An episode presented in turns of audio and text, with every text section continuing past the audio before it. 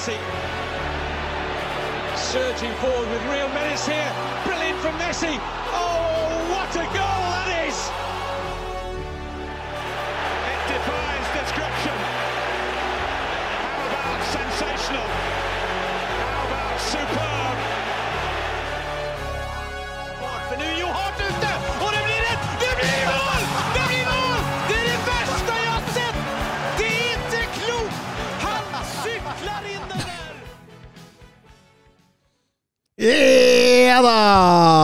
Velkommen til episode 193 av den knallharde fotballpodkasten 90 minutter. Jeg heter stadig Thomas Edvardsen, og så med meg i studio er jeg som vanlig mannen som går inn i påsken med det narrativet om at Messi er skaperen og Ronaldinho er frelseren, mister Mats Granvold. Ja, takk.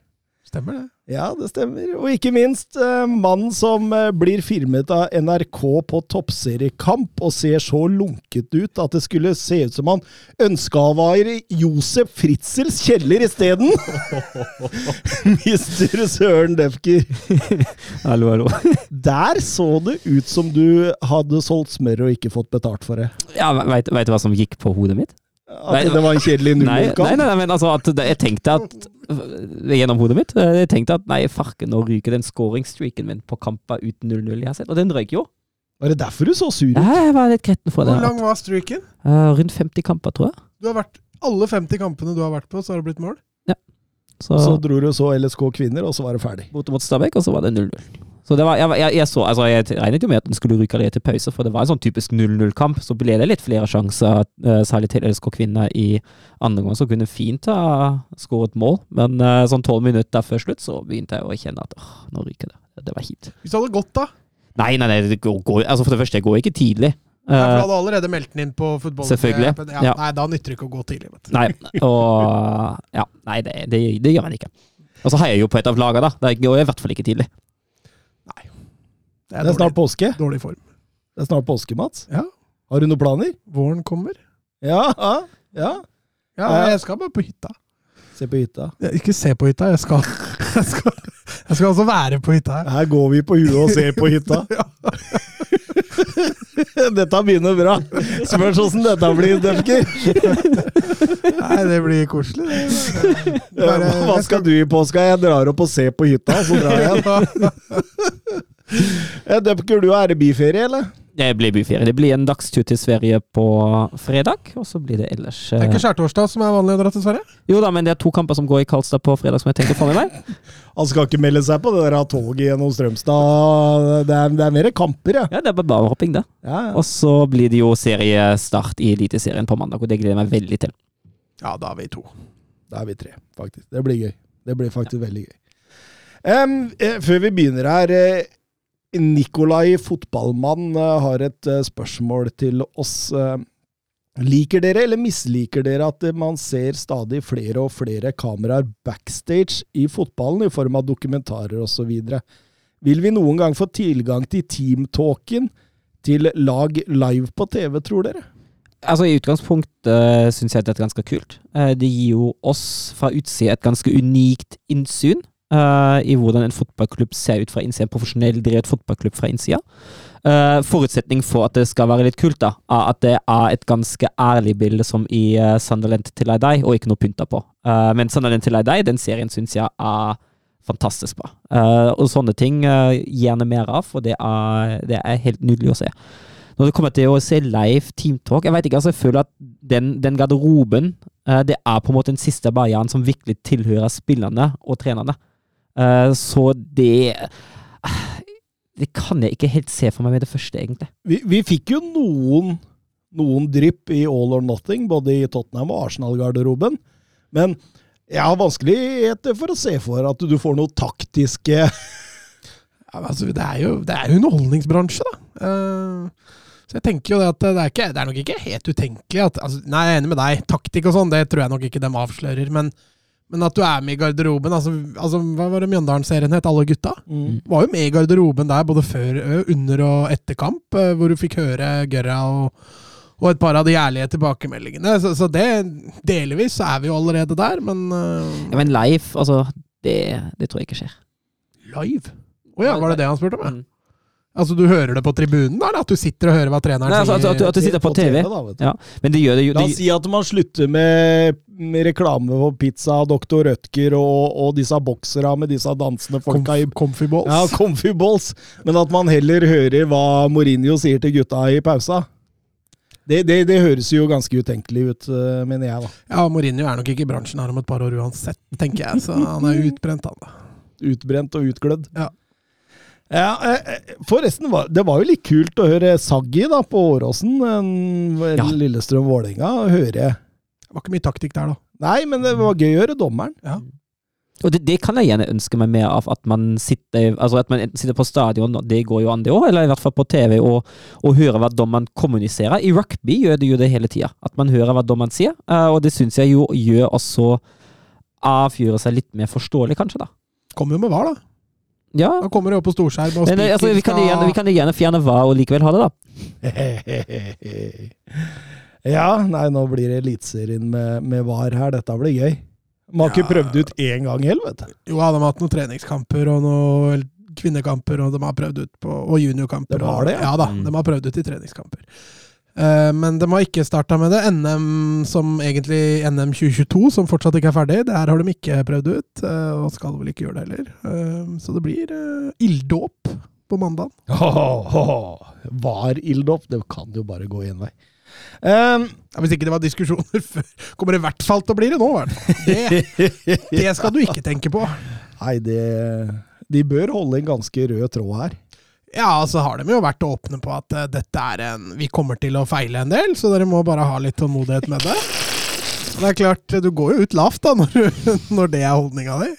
Du skjønner at produktet da ikke er det beste. Ja, altså, det var, en juniorkamp oppe i Sarpsborg der som prøvde det ut, og da måtte de bytte kommunikasjonsgreier flere ganger, og det gikk ordentlig over stokk og stein. Altså. Altså, liker det visstnok ikke snø, det systemet vi bruker i Norge. Ja, ja.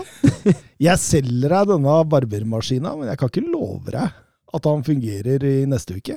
Nei, men, men vi går ut lavt, så vi, vi, vi sier det her og nå før Ja. du kjøper den. Ja, Ja. Men du betaler full pris. Ja, og, og nå var det også en greie med at de som sitter i VAR-bussen, tjener mindre enn toppseriedommere. Ja. Så nå, de, de, de finner grums på alt, altså. De tjener mer enn Ja, så var det, var det. Oh, ja, Ja. sa jeg det annerledes? Ja, nei, jeg mente omvendt. Nei, det er nydelig. Eh, vi går over til Premier League.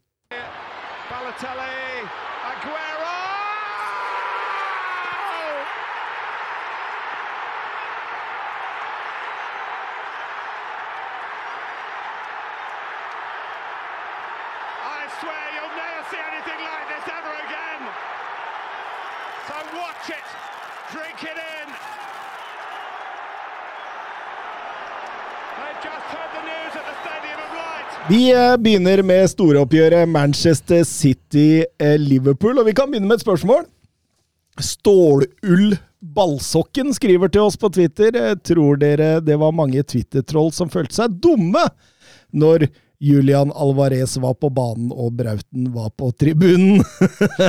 Ja, Vi snakka jo litt om dette i vår eh, landslagspod. Eh, heldigvis er jeg fortsatt ganske naiv, så jeg sa vel at jeg tror han er skada, og at han eh, spares. Men, men det var vel svaret til podkasten generelt? Mm. Ja. Eh, så det var bra vi gikk litt lavere ut, eh, for han var åpenbart ikke frisk. Eh, om troll Jeg tror ikke Altså, Nettroll tror jeg ikke føler seg truffet av sånne ting i det hele tatt. Nei, jeg tror de er der for å trolle. Ja, ja, det er jo det det. Altså, jeg, jeg, jeg, jeg kom på, jeg, jeg diskuterer litt sånn tide og utide med en Arsenal-supporter på Twitter, og han er litt sånn Hvis du forteller han at gresset er grønt, så svarer han ikke om vinteren. Og hvis fugler kan fly, så nei, ikke hvis de har brukket vingene. Han er litt sånn, da. Mm.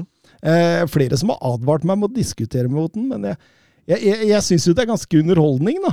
Eh, jeg klarer ikke helt å hisse meg opp. Jeg, jeg tar det som underholdning. Og sist eh, så diskuterte vi Ja, hva var det? Jo, om Jeg skrev vel på Twitter at det var en stor prestasjon om Tottenham nå klarte topp fire. Og, og da kommer jo han inn og sier det at nei, det vil ikke være en prestasjon, fordi alle andre lag feiler jo. Mm. Eh, så nevner jeg da at eh, hvis Arsenal eh, hvis de, de, de må vinne sine ti neste kamper om den skal komme opp på den samme poengscoren som har måttet til for å vinne ligaen fire av de fem siste gangene.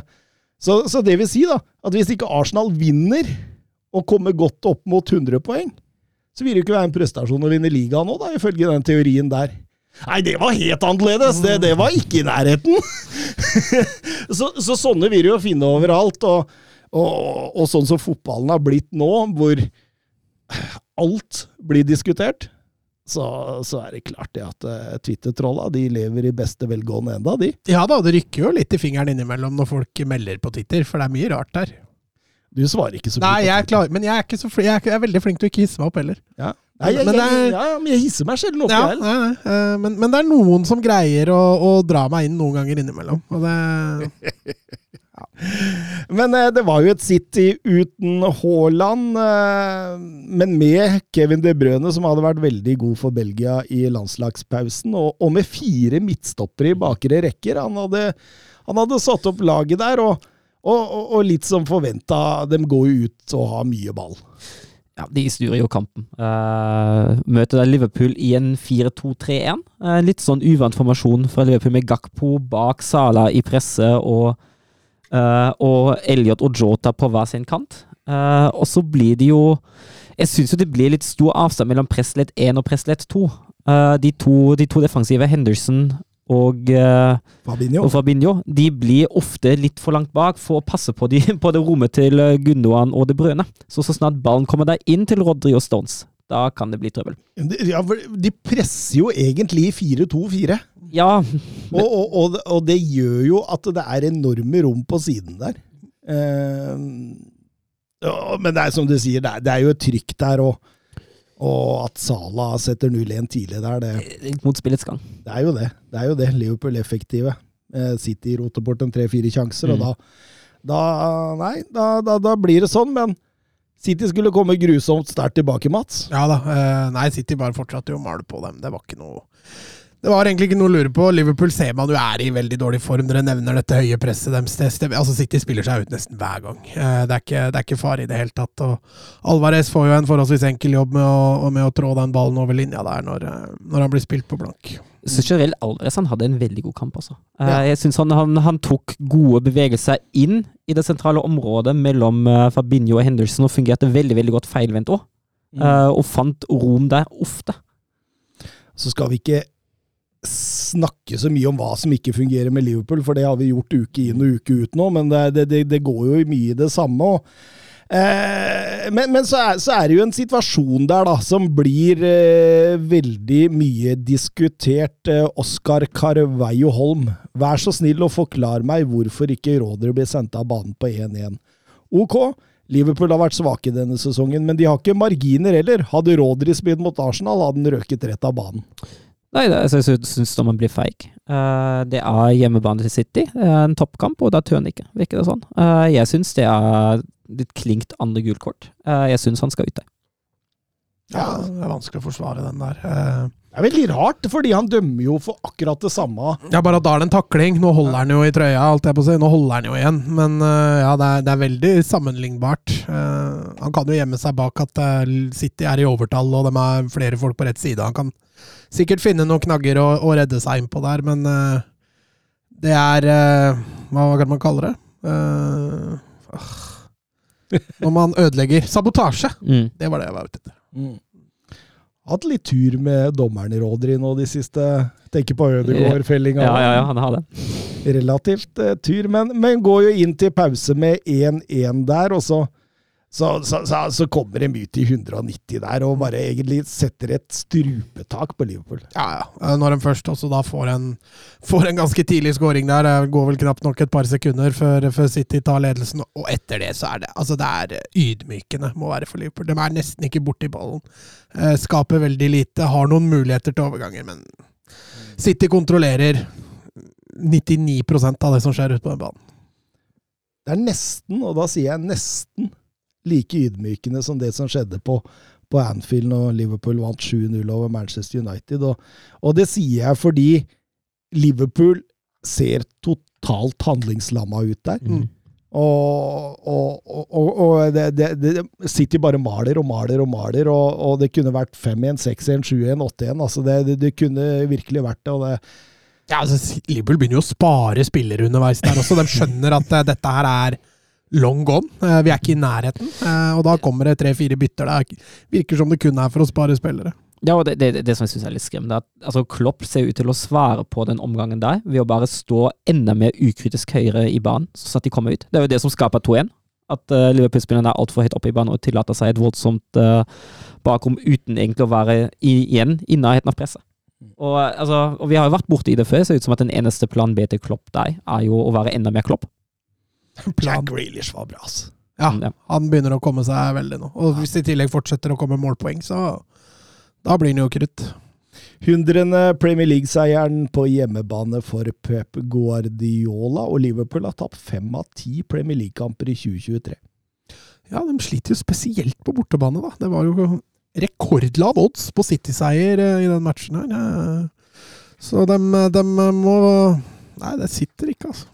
Nei, det, problemene der er ganske dype, det er ingen tvil om. Vi går videre til Arsenal-Leeds. Eh, Martin Ødegaard fortalte før kampen at bortekampen mot Leeds var en av de tøffeste de hadde hatt denne sesongen. Da vant de jo eh, 1-0, var det vel, eh, så vidt det var, men Leeds bomma vel på et straffespark, og det var litt, eh, det var litt kjør der. og Leeds åpner godt igjen, altså. Ja, jeg syns Leeds, uh, Leeds har, har funnet en god kampplan, en god løsning, en god inngang til den kampen der. Uh, Samtidig som Arsenal var litt off. Ja, jeg, jeg er enig, men uh, jeg syns jo, syns jo det fungerer veldig, altså fungerer veldig godt å ligge så stabilt som Leeds gjør. Altså, det blir jo til tider en eh, 6-3-1 når Arsenal er i nærheten av boksen. eh, men uh, boksen er stengt. Veiene inn i boksen er stengt. Uh, og jeg syns også at Arsenal mister noe med uh, Trossard på høyre istedenfor Saka. Uh, samtidig er Leeds veldig gode til å ta de overgangsmulighetene som byr seg, og er egentlig en stadig trussel der. Og før uh, en nullsituasjon kommer, er det jo Leeds som faktisk har nærmest scoring der. Mm. Trener og analyse på Twitter skriver 'filmet Jesus', 'overspilte Jesus', eller 'gjorde Jesus det alle ville gjort'? Eh, Med det spørsmålet ønsker jeg dere en god påske. den, var, den var fin, da. Ønsker oss god bedring. God bedring, ja. Eh, jeg vil jo si at han gjorde alle tre. Han filma, han overspilte, og han gjorde sikkert det alle andre ville gjort. Eh, sånn sett så helgarderer vi, men jeg, jeg, jeg, jeg har jo kjørt en rant om dette før, og jeg, kan godt gjøre det igjen. Når, når jeg hører via Play Studio er enig i dette straffesparket, da blir jeg både oppgitt, jeg blir litt trist, jeg blir lei meg og rasende på en gang. Jeg blir litt sånn Altså, fordi eh, dette shaker med grunnvollene til hva fotball handler om. Eh, jeg syns det er på høy tid nå å liksom komme med et skikkelig svar på dette her, fordi eh, det at det er kontakt, det er ikke nok. Eh, det holder ikke som et enestående argument i det hele tatt. Eh, kontakten må være i den grad av at det gjør at ballfører ikke kan fortsette sin planlagte handling, eller i vesentlig grad blir hindret av å, å, å fullføre den. Husk, fotball er en kontaktsport. Eh, her kjenner Jesus et lite kakk på kneet og velger å falle. Ja, han tenker, han tenker at eh, der har jeg sjansen til å gå ned og få et straffespark, fordi det er en stor fordel av å få straffespark i den situasjonen. Du hadde ikke falt. Søren hadde ikke falt. Jeg hadde ikke falt. Jeg hadde falt. Bestemora mi Bestemora mi hadde ikke falt av den kakken oh, ja, der. nei, det hadde jeg ikke gjort. Eh, så, så, så, så altså Så velger altså Jesus å falle fordi det gir han en fordel. Det er ikke det straffespark handler om. Og årsaken til at eh, Viaplay Studio sitter og sier at det er korrekt, det er fordi at dette har blitt akseptert i haugevis av år. Man har blitt hjernevaska til å tro at det der er straffespark i 2023. Kontakt er lik straffespark. Det tror jævla mange. Det tror eksperter. De sitter med looper på VAR-bilder, og så finner de en eller annen liten kontakt, og så sier de ja, nei, det, det var jo kontakt der. Da er det straffe. Men de spør seg aldri. Blir han hindret i den grad til at han kunne fortsatt, eller ikke? Det gjør de aldri. Eh, ikke i det hele tatt. Og dommera, til og med, de lar seg lure av det. Du ser når du går ut på VAR-skjermen. Er det kontakt? Ok. Har, bussen sagt at de eh, tror det er noe da? Så blir det dømt. Og vi er i ferd med å skape et så jævla stort narrativ som gjør at fotballen blir både fattigere og mer spekulativt, og det er ikke greit. Det eneste korrekte her, Mats, det er å gi Gabriel Jesus det gule kortet og frispark utover hvis man ikke skal være med på å tråkke fotballen lenger ned i søla. Men det har dessverre blitt sånn at the dark side har vunnet. Kontakt er straffespark, uansett eh, hva, eh, så lenge VAR sier det, eller dommer sier det. Og det er altfor mange løkhuer nå som har forsvart dette her i lang tid, slik at hjernen din tror at det er fair å dømme straffespark ved en sånn ting. Derfor virker jeg kanskje urimelig nå. Kanskje for eh, Sikkert i hvert fall for mange Arsenal-fans. Men spør dere selv, Arsenal-fans. Hvis det tilsvarende straffesparket hadde blitt dømt i mai, som gjør at dere mister tittelen, hadde dere da tenkt at det var straffespark? Da tror jeg dere plutselig er litt enige med meg. Og så må man komme dit, da. At man til slutt nå bare sier ifra at det der er filming, det er ikke straffespark. Man kan ikke sitte og forsvare det! Jeg blir så jækla irritert, ass! For det er ikke straffespark. Skjønner du meg? Ja, ja, jeg er med på. Jeg bare syns du begynner i feil ende. Ja, hva tenker du på da? Nei, det er andre ting jeg heller vil til livs enn akkurat det der. Ja, men det at man kjenner noe og hiver seg, er ikke Det Nei, men det, det sier jo at jeg er enig med deg. Altså, den, vi har sett det så mange ganger. Altså, Premier League har kanskje vært lengst bak på det. Eh, La Liga, Serie A, alle disse ligaene har vært mye lenger framme på akkurat dette her, da, i forhold til å gjøre det. Nå tar det jo inn Premier League òg. Det begynner å bli flere og flere overspillere i Premier League. Eh, Jesus er jo en glimrende eksempel på det, eh, og det finnes mange. Og eh, det er som du sier, det har jo blitt akseptert. Det er, når jeg så det straffesparket, jeg reagerte ikke voldsomt heller. Nei, ikke sant? Man gjør ikke det fordi man er vant til det. Ja, man er jo det. Eh, et annet problem som går litt sånn i samme retning, som jeg mener forårsaker det òg, er jo at spillere, så sånn at de prøver å fortsette, som, og egentlig kunne Ja. fått, burde fått et straffespark, så blir de straffa for det. For da får de det aldri. Og det, det henger jo sammen at spillere vet at de må hive seg for i det hele tatt få en mulighet til å få straffesparket. Ja, Men det gjelder overalt på banen. Ja, jeg vet, og det, det, det, er, det er jo feil, det òg, tenker jeg. Det er ikke sånn det skal være. Er det en hindring og spilleren prøver, skal han ikke bli straffa for det. Men han skal få det frisparket eller straffesparket han har krav på. Derfor syns jeg at dommerne nå må begynne å gå mer inn med den tankegangen om at det blir han hindra til å fortsette sin handling her, eller Altså, i, i, i, i, annen grad, er i forhold til nå som de, jeg føler dem går ut der og tenker Er det kontakt, eller er det ikke kontakt? Altså, det, jeg, jeg føler at man er mer der, da. Og det er det veiskillet der jeg vil ha til livs. Og, og, og, og dette straffesparket altså, eh, Fram til dette her, så er Leeds kanskje det farligste laget eh, på disse overgangene sine, med Summerville og Aronsen og Sinistera der. Og, og, og dette her velter jo matchen. Dette her gjør at Arsenal får en grei, grei vei inn til tre nye poeng. Men hva hadde skjedd om han hadde fått gult kort og frispark ut? Det veit vi ikke. Det får vi aldri vite. Nei, Og, ja. Det velter jo matchen på den, med, den, med tanke på at Leeds plutselig kan velge den kampplanen de har hatt suksess med til å komme seg til poeng. Ja, ja. For nå må de plutselig opp og fram uh, for å få med seg noe. ja, kommer ut fra pause der, så, så, så er det jo et Leeds-lag som prøver å komme oppover. Det gir rom til Arsenal, og da, da sitter jo både 2-0 og 3-0 fort der, eh, to tette om badehette for Leeds. Ja da, de eh, punkterer matchen egentlig i løpet av det første kvarteret i, i andre omgang. Der Ben White dukker opp på bakerste og setter 2-0, og så er det Gabriel Jesus som løper inn. Løper inn 3-0, og da, da er det jo litt games etter match. Og så gjør jo Arteta en del bytter der, og så svarer jo Leeds. Det er mye, det. En fin skåring, selv om det er litt flytt. Rasmus Christensen setter 3-1, men det Ja, eh, Leeds får vel et lite trykk, men det Arsenal er jo det svenskene kaller for ballskikkliga. Mm. Altså, de, de er jo gode med ball, og det er vanskelig å sette vedvarende press mot så gode ballspillere. Du ser dem klarer til slutt å få kontroll på ball og spille noe, og da må du tilbake igjen. Så det, så det blei en grei reise for Arsenal, og tre nye poeng. Sander Johansen, eh, Johannes Nyhus eh, spør eh, Tror dere Arteta kan bli jakta av større klubber som Real Madrid og Paris Saint-Germain? Han kan bli jakta Selvfølgelig, altså man ser jo på markedet, men jeg tenker jo at Arsenal har vært ekstremt trofaste mot Ateta da det ikke fungerte. Eh, og Ateta han er jo Arsenal-mann, han har jo spilt lenge i Arsenal òg. Og med tanke på den trofastheten han har vist, eh, med tanke på at lønnen hans i Arsenal sikkert ikke er dårlig. Eh, det er et ungt lag, det er på en måte hans lag eh, som man kan eh, føre videre. Jeg, kan ikke helt se for meg at han forsvinner fra Arsenal til, til fordel for PSG eller Real Madrid. Nei. Nei.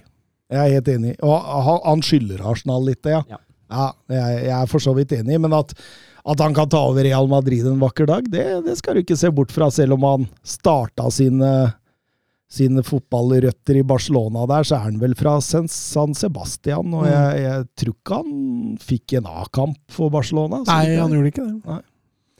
Eh, PSG tror jeg lite han lar seg friste av. Der, der kommer du for å få sparken. Hente ett ligastrø. Til og med Porcetino vant jo noe der før han fikk sparken. Utover Audi Cup, så er jo det bra for alle. Avslutter Harry Kane-karrieren sin i eh, PSG. Ja, er han sikra noe, i hvert fall. Eh, Chelsea, Aston Villa. Jeg syns det var et Chelsea i stor forbedring, jeg. Ja, offensivt. Skaper ganske mye. Eh, Villa har blitt trykka, trykka ganske bakover, og Chelsea kontrollerer jo store deler av kampen. Og de er jo til syvende og sist sin egen største fiende i den kampen her, og det, det er kanskje det liksom kjennetegner lag da, med, med så dårlig form som det, det Chelsea har nå. Ja, altså, det er jo klovner i kamp som gjør at eh, Aston Villa setter 0-1 der. Ja, Særlig, én spanjol. En, klo en klovn i en kamp. Ja. eh, Mark Cucurea der, som, som går på samme Ja, jeg som veit ikke om Kolibali sier fra der. Eh, hvis han ikke gjør det, så, så skjønner jeg at Kukurea gjør det. Fordi han prøver jo bare å komme i veien, men Men jeg tenker Koulibaly, altså det er en så erfaren midtstopper at ikke han kommuniserer at han skal til den ballen. Det, det, det, altså, nå vet vi jo ikke, men jeg anser det som ganske usannsynlig. Han har i hvert fall full kontroll på situasjonen før Kukurea bestemmer seg for at uh, nei, den, uh, dette skal vi gjøre spennende. Og så Jeg tar stusser en, tar en Jostein Flo og stusser og Watkins igjennom. Ja, og den spretter jo perfekt for Watkins at han bare kan chippe den over, uh, over Kepa der, og da Da skårer vel Villa på det som så å si er deres første Ja, Watkins hadde vel en fight en før det, men eh, Ja, dette skulle jo ikke vært noen sjanse i det hele tatt, egentlig. Men Chelsea de fortsetter å drive opp tempo. De, de uh, forsøker uh, Spiller bra, bra fotball på mange måter. Og, men, men jeg tenker noen ganger, i noen faser der, så går det litt for seint med Havertz, Mudrik og Felix, fordi alle er så utrolig glad i den ballen. Ja, altså det blir møtende, ja. Altså, det er klart, de spiller Altså, du kan jo spille sånn her med falsk nier. Eh, uten å ha en ty- men, men altså, du mangler de dype løpa òg, da. Uh, eller i hvert fall de samtidige dype løpa. Du har kanskje ett, maks to, men det er klart, Chilwell og James, da, på, eller Chilwell og Loftus Cheek, da, egentlig, som, som wingbackene, de, de truer jo litt, men det blir for bredt. da, Det blir for lite truende. altså Chilwell har vel en i stolpen, og det er jo nesten fra død vinkel. og det, det er nesten litt sånn det blir, da, når, når du har tre framme der som alle skal droppe. Ja, altså, altså ser du jo, altså Det er jo et skille som nesten blir hovedoppspillspunkt i boksen nå. Uh, det er jo ofte at Chelsea angriper vender ut på høyre, angriper via høyre, uh, og så slås det et innlegg uh, på bakerste stolpe, og da er det Chilwell som står som har løpt i boksen. Skal vel sies at Mudrik burde hatt et mål i den kampen her. Han. Ja, Ja da. Å, Felix, han er så god. Han er så deilig å se på, men det er så mye nesten. Ja, det er ikke noe sluttprodukt her. Det er litt Vinicius junior i glansdagene over det. Bare at han er litt bedre ferdighetsmessig, føler jeg. Men han er ikke den toppfarta, da. Nei, det, det, altså, jeg satt litt i den kampen og tenkte at både Modric, Felix og Havertz de hadde alle sammen vært bedre om det hadde vært en ordentlig ekte midtspiss Ja, ja. foran dem. Ja, ja. ja, ja. Absolutt. Og de, de farligste spillerne etter hvert for, for Chelsea viser jo seg å være Shilwell, som dere er innom, og, og Ngolo Kanté når han kommer inn der. Han, eh, han ser jo ikke ut som han har vært borte en uke engang. Han var helt strålende. Eh, men eh, likevel, John McGinn setter 0-2, og da er det kroken på døra, tross en god fotballkamp hvor de skaper mye. Det var nok for Todd Boiley. Potter får sparken. Eh, Det har vært litt sånn perioden for sparken for mange den perioden. Mm. ja jeg, jeg sitter jo og tenker at eh, var det fordi nå er Nagelsmann ledig? Ja, Det, det virker veldig sånn. Det tror jeg. For, for i utgangspunktet altså i utgangspunktet har jo egentlig ikke noe forandret seg for Chelsea. Uh, de målene som har satt seg før sesong, de når man ikke uansett. Uh, Europa blir mer og mer usannsynlig. Uh, men det er ikke noe man ikke var innstilt på for to uker siden heller. Eh, og nå har han jo Vi er jo inne på det. altså De siste kampene har vi ikke sett så halvgærne ut. da. Nei da. Nei. Så ser vi jo Tottenham, da. Har somla litt i forhold til Tuchel. Da en glapp. Chelsea har ikke lyst til å somle i forhold til Nagelsmann, for da hadde jo han antakeligvis gått til Tottenham. Så det var vel litt timing bak det her. Eh, og så får vi se Bruno som tar over midlertidig. Får se hvor lenge han, han er der. Bjørn Erik Skorge spør var det, var det greit at Chelsea trakk eh, Potter-kontrakten nå. Eh, Jeg kjenner faktisk at akkurat nå, på dette tidspunktet, for Potter sin skyld, så, så, så, så, sliter jeg litt med den, fordi Graham Potter er en lagbygger. Du henter spillere til 600 millioner euro, noe som er helt spinnvilt. Og heldigvis er jo fotballen blitt slik at eh, Eh, man kan ikke bare kjøpe de elleve beste i verden, så vinner man ligaen. Man må sette det sammen, må bruke tid på relasjoner, struktur osv. Så, videre. så, har man, så har man leid ut uh, Lukaku.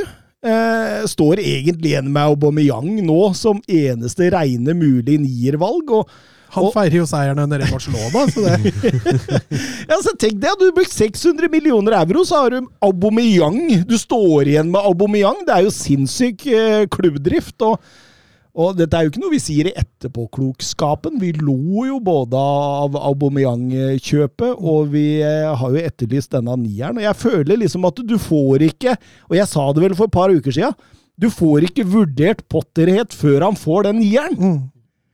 Og det er jo det som mangler her. Det er jo den nieren. Ja, ja. Eh, altså, det som gjør at det blir vanskeligere og vanskeligere å forsvare dette, her er jo, er jo mangelen på framgang. Eh, og Villakampen nå er vel noe av det bedre man har sett. Ja, det er jo det. Sånn at eh, det lille tegnet på framgang så vi jo nå, og så får han sparken. Så jeg er litt enig, skjønner du, hvor du vil hen her. Samtidig, Chelsea er en klubb De har ikke råd vet du, til å være utafor Champions League. De. de har ikke råd til å være utafor Europa. Og nå er de jo akkurat det det er, ikke sant. Og det, det delvis Potter må ta sin del av skylda for det. Og det, det, det er jeg jo som sett enig i. Og så har det jo noe å si uh, hvordan klubben sjøl vurderer sjansene framover. At man, har man troa på Potta hvis han får han resten av sesongen på prøve, og så tar man en uh, evaluering til sommeren, og har troa på at dette her blir bedre neste sesong? Eller satser man alt på, på Nagelsmann-kortet? Men dette var jo Todd Boileys mann. Ja. Det var jo altså Nå er, nå er det jo Boiley som virker som en klovn her. Mm. Ikke Potter, egentlig. Altså, altså eh, Altså Nei, jeg, jeg, jeg, jeg, klarer Jeg sliter med denne her, altså. Jeg sliter med denne her, fordi Altså, Du kan også lese statistikker da, om at Chelsea er laget i Premier League som underpresterer mest når man tenker på skåringer mot antall XG, og det Og det har, det har jo vært et symptom i Brighton med Potter òg. ja, ja. Han- han- men, men, Og da hadde han jo aldri heller gode Nei, er spisser. Han trenger liksom den, den nieren, tenker jeg. Uh, og jeg er, jo, jeg er jo langt på vei enig med deg at det er Det virker litt urettferdig og ikke gi ham et ferdig lag og la ham prøve med det, da. Kommer til Tottenham, og så har nieren, men ingenting annet. Det er stikk, stikk motsatte. Nei, vi må gi en tid til å bygge de ti andre. Eh, En digresjon, da. Det er faktisk kun eh, sju Premier League-managere igjen som satt i august. Ja, det er sjukt. 13 managere har fått fyken. Det er spinnvilt. Det er klart det er et par klubber som har fyra to, da. Så Mm. det, det sturer litt. Ja, det er vel bare tolv, faktisk, det jeg tenker meg om. Det er vel det.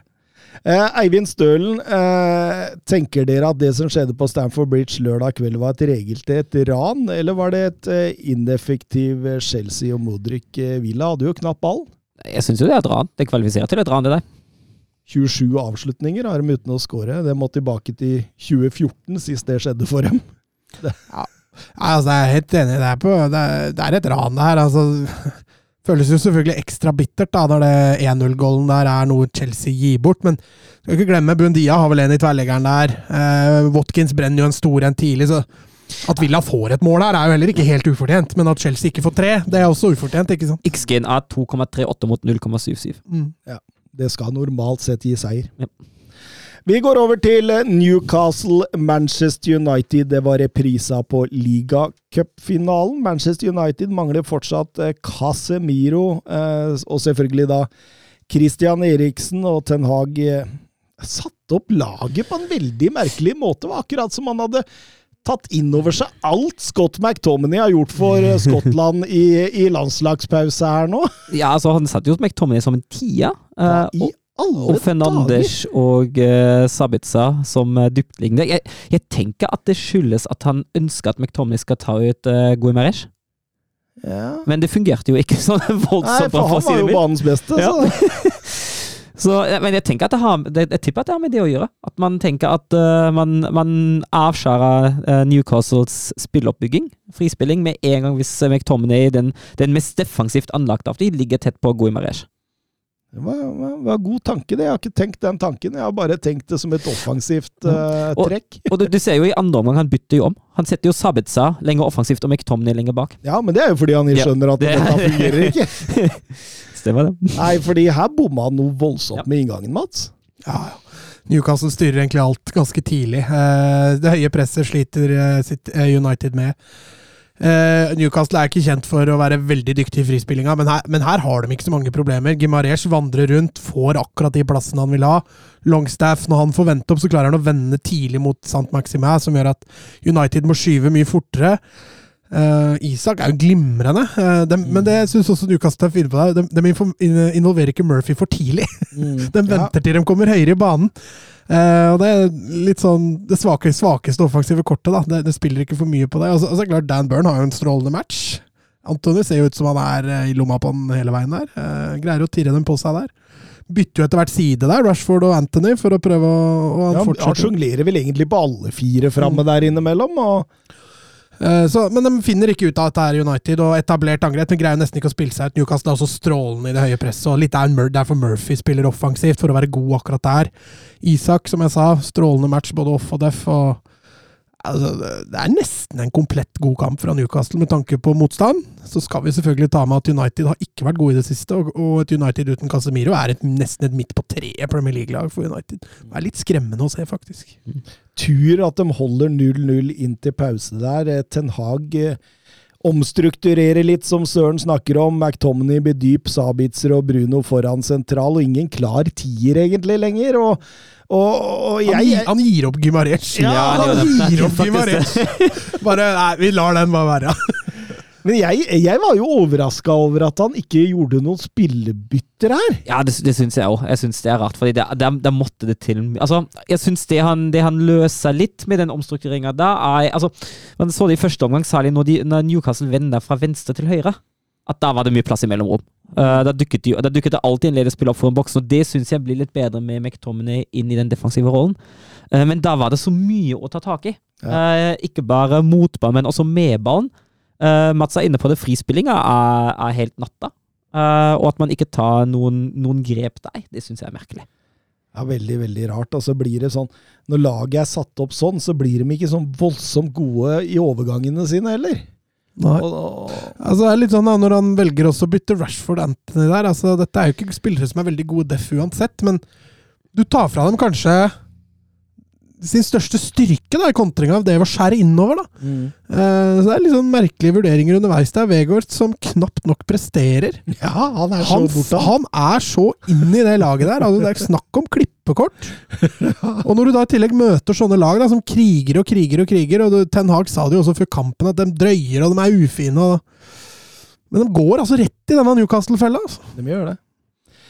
Og selvfølgelig måtte det jo skje. Willoch setter 1-0. Eh, Selvfølgelig til gjenvinning. Ja. Måtte bli det. absolutt nydelig av Isak der, feilvendt. Gimares innlegg på Sant Maximæ som, som ligger og, og han flyr nærmest mot ballen, header tilbake inn igjen, og der, der dukker Willoch opp og setter 1-0. og Der skal han løpe rett bort til Maximin. ja, Jeg skjønner skjønner ikke hvorfor han bare løper for seg sjøl og feirer som han har jo skåret Maradona-skåring. Ja, for han setter den fra én meter. Han setter den fra, han løper den i mål fra én meter! XG på én, det der. Ja, 1,2 er det XG på, faktisk. United klarer liksom ikke å svare på dette Nei, her. det er akkurat det. Det, det, det tenkte jeg, og det kommer ikke noen reaksjon. Nei. Ikke i det hele tatt. Og her har jo Ten Hag vært god før. Ja. Ved å bytte laget bra, Mm. justere seg underveis. Han er ikke i nærheten. Selv om han gjør 37 bytter der, og bytter ut alt han kan og har. Callum Wilson setter 2-0 rett før slutt, og det er så fortjent. Det er klasseforskjell. Det kunne vært flere. United er egentlig heldig som eh, kommer unna med to her. Eh, Manchester United har nå spilt seks av åtte bortekamper mot de andre på øvre halvdel. Eh, resultatene er som følger eh, inntil videre. Null seire, null uavgjort og seks tap. Og 6-25 i målforskjell. Så Tottenham og Brighton, som de har igjen på bortebane, de kan jo bare egentlig innkassere de tre på en Ja, bør ikke spille de kampene, faktisk. 3-0-seier og walkover. Eh, Didrik Tofte Nilsen vil bare innom og minne dere om klasseforskjellen som var på St. James' Park denne søndagen. Trengte ikke å minnes på det, faktisk. Det huska, vi, det huska jeg faktisk ganske klart. Eh, Ole Haaland 7-0 mot Liverpool. 0-0 mot Southampton, 2-0-tap mot Newcastle. Det er de tre siste. Grunn til bekymring eh, tenker en eh, Champions League-plass vil bety veldig mye for Ten Hag-prosjektet. Ja, det er veldig viktig å havne topp fire for dem i år, tenker jeg. Eh, både med, med tanke på at det blir på en måte følelsen av en vellykka sesong. eh, for det at det var veldig bra midtveis i sesongen. Eh, det, det ødelegges litt av en dårlig avslutning, men selvfølgelig enda viktigere med tanke på inntekter man får, med tanke på attraktivitet for spillere, eh, og med tanke på mulighetene til å bygge dette lag videre. Og jeg er jo enig, jeg syns jo United har sett svake ut i det siste. Eh, og ja, det er jo grunn til bekymring. Altså for det ene, Vi ser jo litt sånn svakhetene i troppen, at når viktige spillere er ute, så blir det vanskelig. Men det også at det, det står jo tre ganger null der nå. Og det skåres jo altfor lite. Ja, Det skapes altfor lite. Vi var inne på det før, fått en del spørsmål på det tidligere. liksom Formen til Rashford, hvor viktig er den? Og det, det ser vi jo litt nå. Eh, Rashford sin form er, eh, er på vei nedover, og, og frustrasjonen der også, når han kaster skoa i bakken. og det, er noe som, det er noe som skurrer litt offensivt eh, for United. Vegårs det er selvfølgelig en brikke i det. Han, de har jo en spiss som de nesten kun kan bruke til å binde opp motstandere. Du klarer nesten ikke å bruke den i kombinasjonsspill engang. Han jobber hardt. Ja da, han er god def, da, selvfølgelig. Det bør, det bør nevnes. Eh, men offensivt så er det jo Rashford. Anthony er jo blåst for tida. Han ser jo ikke ut som han vil være der i det hele tatt. Eh, løper jo ikke hjemover, som vi har snakka om før. Eh, veldig lite skapende. Og Nei, altså, bekymring Jeg syns ikke United behøver å bekymre seg helt ennå. De har også en hengekamp i forhold til de rundt seg, bortsett fra Newcastle. og Ehm, dette kan løsne igjen, og Casemiro er viktig der. Få tilbake han, så tror jeg nok stabiliteten kommer til å komme tilbake igjen. Men eh, at det blir jevnt, kan bli jevnt hele veien inn i forhold til den Champions League-plassen, det tror jeg de skal forberede seg på. For der er det to andre lag som er supergira på den siste plassen òg, Altså. Ja, dere nevner eh, Casemiro, og det har selvsagt noe med det å gjøre. Em, har vel igjen Brentford Everton nå før han er ute igjen, begge de hjemme, så det bør jo være en, en mulighet å, å, å likevel klare seg greit eh, videre ut her. Men eh, det bekymringsverdige her må jo være at de ikke produserer noe. Altså, de produserer veldig lite nå. Og Eh, du er inne på det med Rashford, Mats. Uh, Vegårst er jo ingen målgjører på dette nivået. Eh, Bruno har mye mindre mål i seg nå enn han har tidligere. Anthony er ingen Arin Robben, som du er inne på. Han skårer jo ikke så mye, og, og Martial holder ikke. Sancho sliter med å plukke poeng. Altså, det blir så blytungt at det altså De, de, blir så avhengig av Rash, da. De blir så avhengig av han. Og når han da er på en dalende, så, så, så, så blir det kjempevanskelig. og det, det er klart det bekymrer. Altså, de har skåret 41 mål denne sesongen. Det er 30 færre enn Manchester City. Det er 29 færre enn Arsenal, og det er f.eks. 11 færre enn Tottenham. Det er færre enn Brighton, Brentford og Liverpool. Det er to flere enn Leicester som ligger på nedrykk. Det er to flere enn Leicester som ligger på nedrykk. Og, og, og det er klart det at eh, det er jo her skoen eh, trykker. og jeg er helt enig med Søren. altså Det med Champions League-plass det, det, det betyr jo kjempemye for dette prosjektet her. altså Du kan bare glemme enkelte hyller hvis du ikke har Champions League-plass å komme med, selv når du er Manchester United. Eh, Jeg er ganske sikker på at Frenkie de Jong hadde spilt i Manchester United i dag, hadde de hatt Champions League i fjor sommer. Nå har United også den lille halmstrået i Europa League, da. Så de kan bli nummer fem og likevel spille De er vel kanskje en av favorittene der, men nå, nå daler det jo nedover, da! Ja da, eh, det gjør det. Og det er fortsatt noen gode lag igjen i Europa League, så det, det er ikke gitt. Men, men de har det lille ekstra loddet der, da. Ja, enig, men samtidig føler jeg at man, man spiller mye mer på marginer hvis man satser på det kortet, da. Jo, jo, det tror jeg ikke de satser på. Nei, jeg tror de satser på topp fire. Eh, men skulle det ryke, så, så tror jeg nok de Jeg tror nok også de kjører ganske hardt på Europa League, Mm. uavhengig av, av hvordan det går i serien. Tønna blir ikke helt klok på Antony. jeg. Eh, virker spennende i starten, men har blitt mye filming og andre brasilianske klovnerier nå når det ikke går ve- veien. Eh, hvor mye bedre var Antony i Ajax, og hva er hovedforskjellene på Antony i United og Antony i Ajax? Altså Hovedforskjellen er ved nivået. Ja, det tenker jeg òg. Nivået på spillerne rundt, på spillerne han møter. Eh, jeg synes, altså Man så jo litt, eh, litt filming, eller en del filming av ham i Ajax òg. Sånn sett er ikke det noe nytt. Det er vel fortsatt noen Dortmund-supporter som var på ham på filmet på Mats Hummels i Champions League, var det vel. Så det er jo det at han møter noe sterkere motstand, og jeg tipper at han Altså, han er jo ikke helt vant til den motgangen der. Uh, før fikk han, jo, fikk, bare, fikk jo mer eller mindre lekt seg. Uh, og selv om det kanskje var noen tøffere enkeltkamper, uh, så var det i det store og hele veldig, veldig bra gjennomgående. og nå kommer den kommer den sterkere motstanden, de tøffere motstandere. Nå føler han at han ikke helt får det til. Nå eh, kommer Dan Burn på 2.02 i deg 110 km i timen! Den er ikke lett, den, Mats! Han kan løfte deg opp!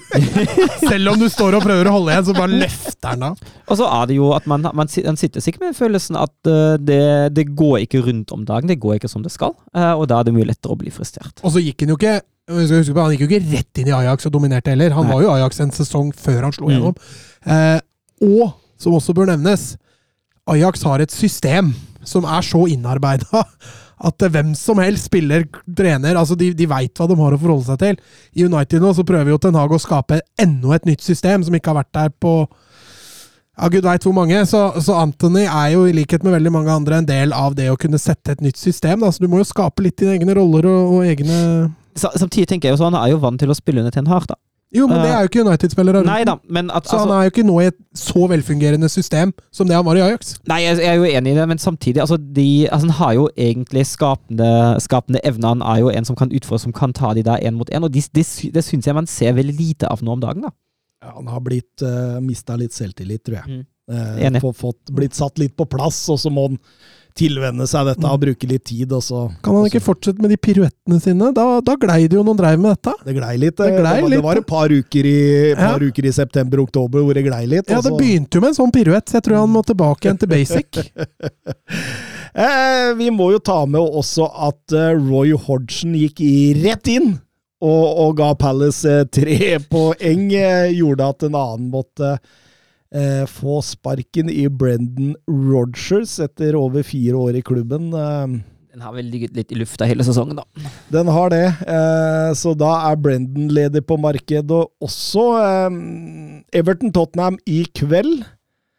Tottenham uten både manager og sportsdirektør, så det Ja, men en sportsdirektør klarer de seg vel uten på kampdag? Ja da, selv om han har vært ganske aktiv noen ganger fra, fra bakre rekker der. Men eh, Petter Martin Støvland spør en liten preview på, på Everton mot eh, manager og, tot, manager og sportsdirektørløse Spurs. Thomas skrev på Twitter at uh, topp fire ville nå være en enorm prestasjon. Jeg må si meg enig i det. Ikke smertefri denne sesongen her. um, Nei, men enorm! Hva legger du i det? Eh, det, det, legger jeg i, eh, som jeg skrev i Twitter-posten min der, at eh, de, de, klarer jo ikke å stille sitt beste lag noen gang. Det er alltid noen nøkkelspillere som er ute. Eh, det, det, handler litt om en manager da, som eh, må innom en operasjon og alt mulig sånt. At ting skjer utenomsportslig der. Eh, etter hvert da, så så, så, sier han nok er nok. Det handler jo også om usikkerheten til sportsdirektøren, som, som står noen dager etterpå og sier der at slapp av, alt ordner seg, jeg skal sørge for at vi holder sammen, og så, så blir han suspendert dagen etter, liksom. Det er jo, men jeg tenkte på enorm prestasjon. Da regner jeg med herfra og ut. Tenker ja, du da at, ja, at de, de, skal klare nå å henge på Newcastle, ManU Ja, for det er, jo, det er jo, sånn jeg ser det, da, så er det tre stykker om beinet på to plasser her. Det vil si at Da tenker du at både Newcastle og United er nå favoritter ja. til topp fire. Ja. Og hvis du tenker da sånn cirka odds Fordi jeg tenker Når du sier enorm, så virker det som det er ti odds på Tottenham og to i odds på For så stor forskjell føler jeg ikke det er. Nei da, men, men, men, men det, er, det, det, vil være en stor prestasjon om de klarer det. da, La oss si det sånn. Ja, jeg holder fortsatt Tottenham som en knapp favoritt. Jeg, på... Du har tru på Stellini og, ja, og? Ja, de vinner jo stort sett når han er på benken. Det er vel bare ett tap de har med han på benken, så Spørsmålet er åssen Stelini er når han er aleine. Når han ikke får kontet på øra. Jeg veit ikke. Altså, jeg frykter kampen i kveld. Altså, det blir nok tett. Fysisk eh, tung battle nok en gang. Tottenham har nok en del ball. Eh, så får vi se et eh, Everton i, eh, ja, i Burnleyske klær, som ligger bakpå og, og tar overgangen Og Det er, det er jo ikke noe som historisk passer Tottenham i det hele tatt. Nei da, og den kampen her er ikke lett. Altså, den, flere av de laga skal hit, og, og, og et Everton-lag som kjemper med om tilværelsen. Det, det sier seg sjøl at det ikke blir lett. Det er vel ikke her i utgangspunktet man, man forventer blendende fin fotball, men, men jeg blir ikke overraska om Tottenham tar en 2-1-seier her uh, uten å overbevise noe som helst. Nei, Jeg frykter at jeg kommer til å sitte utover kvelden her og så rope på den tieren, den kreative, som vi virkelig hadde trengt for å låse opp det forsvaret. Tenk om han svarer da når du roper. det hadde, det Her hadde, er jeg! Her er jeg! Dukker Robert Corén Prime opp. og så Koren, da. Nei, det er Paul Gascoigne kommer, han. Eh, Steffen Hansen, Tuchel, Bayern München, Nagelsmann, lukter Chelsea. Roberto Di Serbi, Inter er i samtale, sies det. Kan det bli en sommer for Spurs som da de ansatte Nuno? Man blir desperat til slutt og ender opp med Brennan Rogers. Jeg tror ikke det blir Brennan Rodgers. Uh, det er jo blitt nå en, en egentlig, etter min mening, fortsatt veldig spennende manager ledig på markedet, uh, i Graham Potter. Uh, jeg snakket litt om det før sending. Han, er jo- han er jo en lagbygger. Eh, og jeg tenker at i, i Tottenham Uh, finner han kanskje litt bedre forutsetninger, litt mer tålmodighet, litt mindre kaos uh, enn det han hadde gjort i Chelsea. Så jeg kan jo fullt se for meg at Potter kan gjøre en eh, glimrende jobb i Tottenham. Når du sier mindre kaos og Tottenham, akkurat sånn det føles for en Tottenham-supporter Ja, nå. nei, men, men jeg, mener, jeg mener mindre kaos i toppen, da, hvis du skjønner hva jeg mener. Nei, jeg skjønner, jeg skjønner hva du mener. For, ikke presset er jo ikke like stort i Tottenham heller, så jeg, altså Med tanke på spillekjøp og sånn Du går jo ikke til Tottenham, så får du spillere for 600 millioner i løpet av et vindu. Det, det skjer jo ikke. Eh, jeg annonserte jo Potter før de ansatte Conte, så jeg håper det skjer, sånn at jeg kan si hva var det jeg sa i løpet av et par år. Tottenham Ja, endelig vinner Audi Cup igjen! Med Potter, kan jeg si. Hva var det jeg sa? Ja, nydelig, nydelig. Nisselue på. Han vil at vi skal snakke om denne managerkarusellen som er i gang. Rogers, Potter, Nagelsmann, Pochettino, Conte, Zidane og Enrique står uten jobb. Kanskje følger også Galtier og Angelotti etter hvem handler, havner hvor. Galtier er rimelig sikker på å følge etter. Ja, det, det, og Angelotti drar vel til Brasil, så etter hvert. Spørsmålet om når. Nagelsmann går til Chelsea, eller? Ja, jeg tenker det. det for, for ham tipper jeg at det er den mest attraktive klubben å gå til. Conte? Ja, det, er altså det, Jeg tenker jo at uh, Altså, hvis Pochettino, da må jo han i så fall Hvis vi skal finne klubb til disse trenere her Luis Henrique tror jeg ikke drar til Real Madrid. Og da blir sitter igjen med Pochettino, da. Uh, og så må Luis Henrique dra til PSG. Da må Galtier til Tottenham, da. Det er kanskje litt dumt. uh, lagbygger, det òg. Og Potter tilbake til Brighton, da, fordi da drar de Serbi til Inter. Ja, og så um, Og Insagi Ja, det blir vel noe ledig no, no må, altså hvis, vi, hvis vi får inn eh, Zidane og Pochettino som nå er klubbløse, så må jo noen også bli klubbløse for at det går opp igjen. ja, det må de jo selvfølgelig. Ja, nei, det kan jo ikke Nei, det går ikke. Rogers til Westham når Moyes får sparken i sommer. Den er ikke dum. Nei, det kan få skje. Ja, ja den er ikke dum. Zidane han sitter fortsatt og venter på Real Madrid igjen. Eller det franske landslaget. Ja. Ja. Nei, Zidane tror jeg ikke finner noe Finner en klubb med det første, nei. Ikke helt der oppe. Nei, jeg tror ikke det heller. Nagelsmann til Chelsea, den er bankers. Og så håper jeg Potter til Tottenham. Uh, hvem som tar over PSG? Altså, jeg tenker jo Conte blir naturlig. ass. Eh, vi snakka om det litt før. Altså, Conte er stort nok navn til å gå til Real Madrid, Mm. men eh, Passer det Real Madrid? Det er spørsmålet.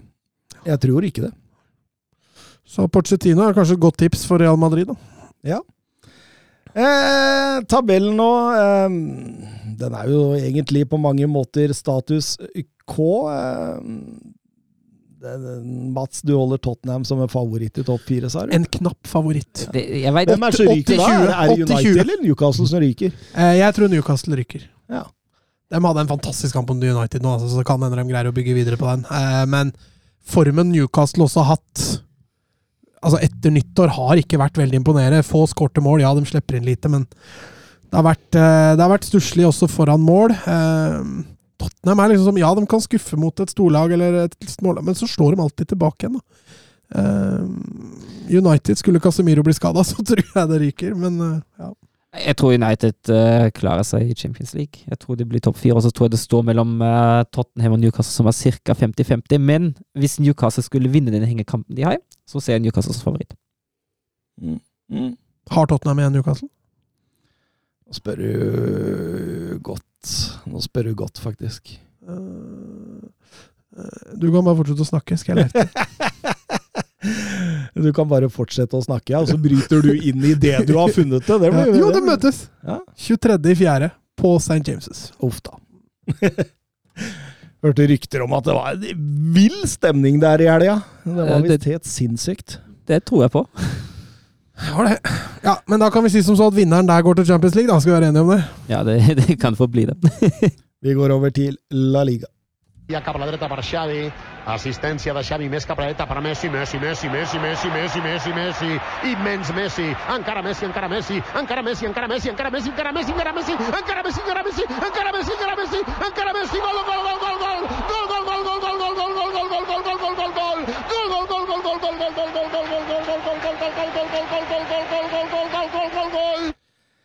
Ja, vi får begynne med debuten til Mendy Libar. Eh, mot eh, Sevilla. Tredje manageren eh, for sesongen. Forteller vel alt hvordan Sevillas sesong har vært. Og, og Mendy Libar han står jo for en direkte type fotball. En, en bra organisert eh, fotball. Eh, satt litt i systemer. Det er vel kanskje dette Sevilla behøver nå? Ja, jeg tror det. Eh, først så blir du litt sånn Oi. For spektakulært er det ikke å ansette Mendeli Bar når du er en toppklubb, men det gir litt mening. Det er litt sånn uh, Sean Dyche i Tottenham, Everton, at det, det er ikke veldig spektakulært, men han har én jobb å gjøre. Og man ser det allerede i første kampen her mot Cádiz, at uh, det blir satt mye mer i system. Det defensive er helt klart uh, vært i fokus. Uh, han er mye mer lik Lopetegi enn det Sampaoli er, så det er litt mer tilbake igjen til basicen. Eh, og så er han jo veldig glad i Brian Gill. Han fikk jo maks ut av han i Eibar. Uh, så, og Gill fortsetter jo å spille bra også i denne matchen. Uh, det er de to kantspillerne som kanskje er de mest toneangivende offensivt, i Ocampos og, og Gill. og det er litt sånn typisk Mendelibar-ball. Mm, absolutt. Og, og, og, og det positive må jo være her at nå har man ikke denne defensive låvedøra som eh, med, med en velkomsthilsen Mm. over. Altså, det ser mye mer solid ut, eh, strukturert, eh, strukturelt. og og selv om det, den første omgangen var 45 minutter jeg aldri kommer å få igjen av livet mitt, eh, så så, så, så, så du jo tegn på at her har Mendelibar allerede kunnet gå inn og gjøre de justeringene som gjør at Sevilla kommer til å holde seg i år. Ja, og du ser dem tar ikke den risikoen heller i frispillinga. Nei. Det er ikke snakk om å spille seg ut for enhver pris. Og det, bare der hindrer du jo halvparten av målsjansen imot. Eh, Så ja, eh, dette Nå har vi vel vært tydelige på at vi tror Sevilla overlever uansett, men jeg syns dette var et veldig tydelig tegn på at eh, Sevilla kommer til å ta de poengene de skal ta nå herfra ut. 1-0. Eh, Lucas og Campos, en corner som blir slått inn der. Ledesma bokser rett i Ocampos, som sier takk for det. Og Han, han Ledesma i målet der, hvem ligner han på? Ai. Altså, jeg skal se bilde av det etterpå, men tenk på Sjevsjenko når dere ser han. Jeg syns han er kliss lik. Det kunne vært en ung Sjevsjenko. Han er kliss lik! Eh, men eh, etter målet, så, altså, og, og det kjennetegner også i Sevilla, blir dypere og dypere. Cádiz eh, ja, de, de pumper jo innlegg på innlegg i boks, men likevel, de står bra baki der, altså. Ja, de har grei kontroll, føler jeg. Jeg føler liksom ikke det blir ordentlig trua. Altså, kommer også Den andre goalen kommer liksom på et veldig gunstig tidspunkt. da. Mm. når du får 2-0 der et kvarter før slutt på en kontring, så Lufta går litt ut av Cádiz da, når de får 2-0 der. De føler de ikke egentlig har vært all verden i nærheten av å skåre, og så kommer 2-0, og da, da føles det langt unna. Mm. Kan man si det var en Mendele Bar-seier, dette her? Ja, det Masterclass. Masterclass? Mendeli Bar masterclass. Mm. Uh, ja, definitivt. Jeg tror jeg hadde vært superstolt av den her, hadde han gjort det med Eibar, i hvert fall. Ja, absolutt. Får en dødballskåring eh, pluss en overgangsskåring der, og, og stå bra bakover. Det Ja. En kant og en spisskåring. Helt perfekt. helt perfekt for han. Så det De har jo tidvis sett ut som klovner bak der denne sesongen, da. Så det er jo egentlig ja, så det er jo godt gjort. Ja, de har jo sett ut som klovner i egentlig hver eneste kamp. Så de har jo fått noe ut av det. Du, ser Han tok jo over i landslagspausa. Da var jo Bono borte på landslagsoppdrag. Da, da bytter han inn Dimitrovic Ja, i mål, da. skal sies at han var ute og sykla en gang der, da. Eh, Det så litt Bono får nok den eh, plassen tilbake. Kan fort hende han er tilbake i målet der. Eh, Men eh, ja, nei, det er en trygghet over det. Skal, skal jeg selvfølgelig ikke anta eller selge noe som helst ennå, men eh, dette så veldig trygt ut. Vi, vi lukker den og sier Sevilla klarer seg i denne sesongen. Elche Barcelona. Eh, Elche under ny trener. Eh, så ut som en sånn lillebroren til Claudio Canigia på, på sidelinja der. Ja, det var det han ligna på, ja! Åh, jeg sto der og tenkte åh, er det, hvem er det jeg tenker på når jeg ser han Canigia, Var det selvfølgelig. Sebastian Beccacece der, som, eh, som har tatt over Elche for et sånn siste lille å prøve å redde det her, men eh, da var det jo ikke debutkamp mot Barcelona det man ønska seg aller mest. Og, og, og, og jeg, jeg må jo si de starter bra her, Elche. Ja da, og Barca blir trykka litt bakover. Eh, man tenker jo med en gang at Erik Garcia som, som pivot, det det starta ikke veldig oppløftende, spesielt defensivt. Jeg syns han spiller seg veldig opp, og det, det, preger også kampen litt av. da. Når han blir litt varmere i rollen der, så tar også Basha litt mer og mer over. Eh, og det er klart Jeg er enig med deg, Elche starter positivt, men de skaper jo ikke all verden. Og når Basha først får da den golden halvveis ut der, så Det er liksom ikke noe Det ser liksom ut som at Barca går på halv maskin, Ja, egentlig. Altså, altså er det jo ja, foregriper jeg kanskje litt, da, men i andre omgang, når Elche begynner å stå ukritisk høyt uten å presse, Mm. at da blir det rom, og da Ja, altså den, den, den tre er vel 2-0-skåringa til Fati der, hvor man har eh, Han får jo en autostrada. Ja. det er én pasning gjennom ledd, og så er det enorme rom. Eh, skal det sies at han skyter fra 20 meter der, så det er godt gjort å score for det, men eh, han løper altså over hele banen uten å møte på en eneste Cádiz-spiller. Ja, det, det, det, det er vel en, eh, en 15 minutters periode der de setter tre bak, bak eh, Edgar Badia der, og da, da Det kunne da, også vært flere, hadde man Ja. sentra litt. mm. Kommer aleine med to mann aleine der og velger å skyte istedenfor å spille. Det skjer jo to ganger. og Kunne pynta ytterligere på, men Lewandowski får etterlengta scoring. Ansufati får en veldig etterlengta scoring. ikke Eh, skåret siden oktober i La Mm. Og han har prøvd mye, for å si det mildt. eh, Ferran Torres så fin skåring der når han drar seg inn, og, og en liten skuddfinte åpner hele hjørnet som han setter den i. Eh, apropos Ansu Fati, Eivind Stølen spør har pappa Fati ødelagt sønnens muligheter for viderespill i Barcelona, kritiserer spilletid og Osavi offentlig og hinter veldig om Sevilla. Nei, jeg tror ikke det. Jeg blir veldig overraska hvis Xavi tar seg personlig nær av det. Eh, Det er ikke helt uvanlig at foreldre melder litt i ny og ne når det går dårlig med barna sine. Eh, Nei, det, det kjenner jo vi til òg. Ja da, eh, det, det skjer spesielt også i barne- og ungdomsfotballen i Norge. Det er helt riktig, det.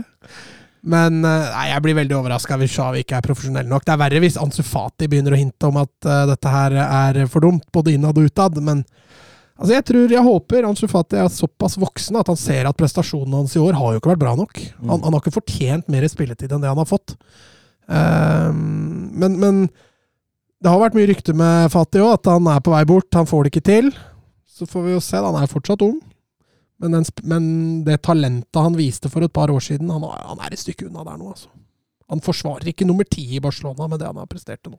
Pappa Fati bor i Fati. Han sier eh, at han helst skulle ønske Ansu spilte i en annen klubb, men at eh, Ansu selv vil bli i Barcelona. Som far blir jeg forbanna, men det er enkelt å tenke som en far her, og ikke en coach. Og, og Savi svarer vel egentlig med 'jeg bryr meg ingenting om hva pappaen hans mener'. Så det, da legger du den død, egentlig. Um, Steffen Hansen kommer med et litt verre spørsmål, for Uefa har sagt um, en av de mest alvorlige anklagene vi noen gang har sett, brenner det for Barcelona, spør han, og det var da Alexander Schäferin som var ute og sa det. Her eh, Det gjør jo det. Skulle dette bli bevist, og så kan konsekvensene bli fatale.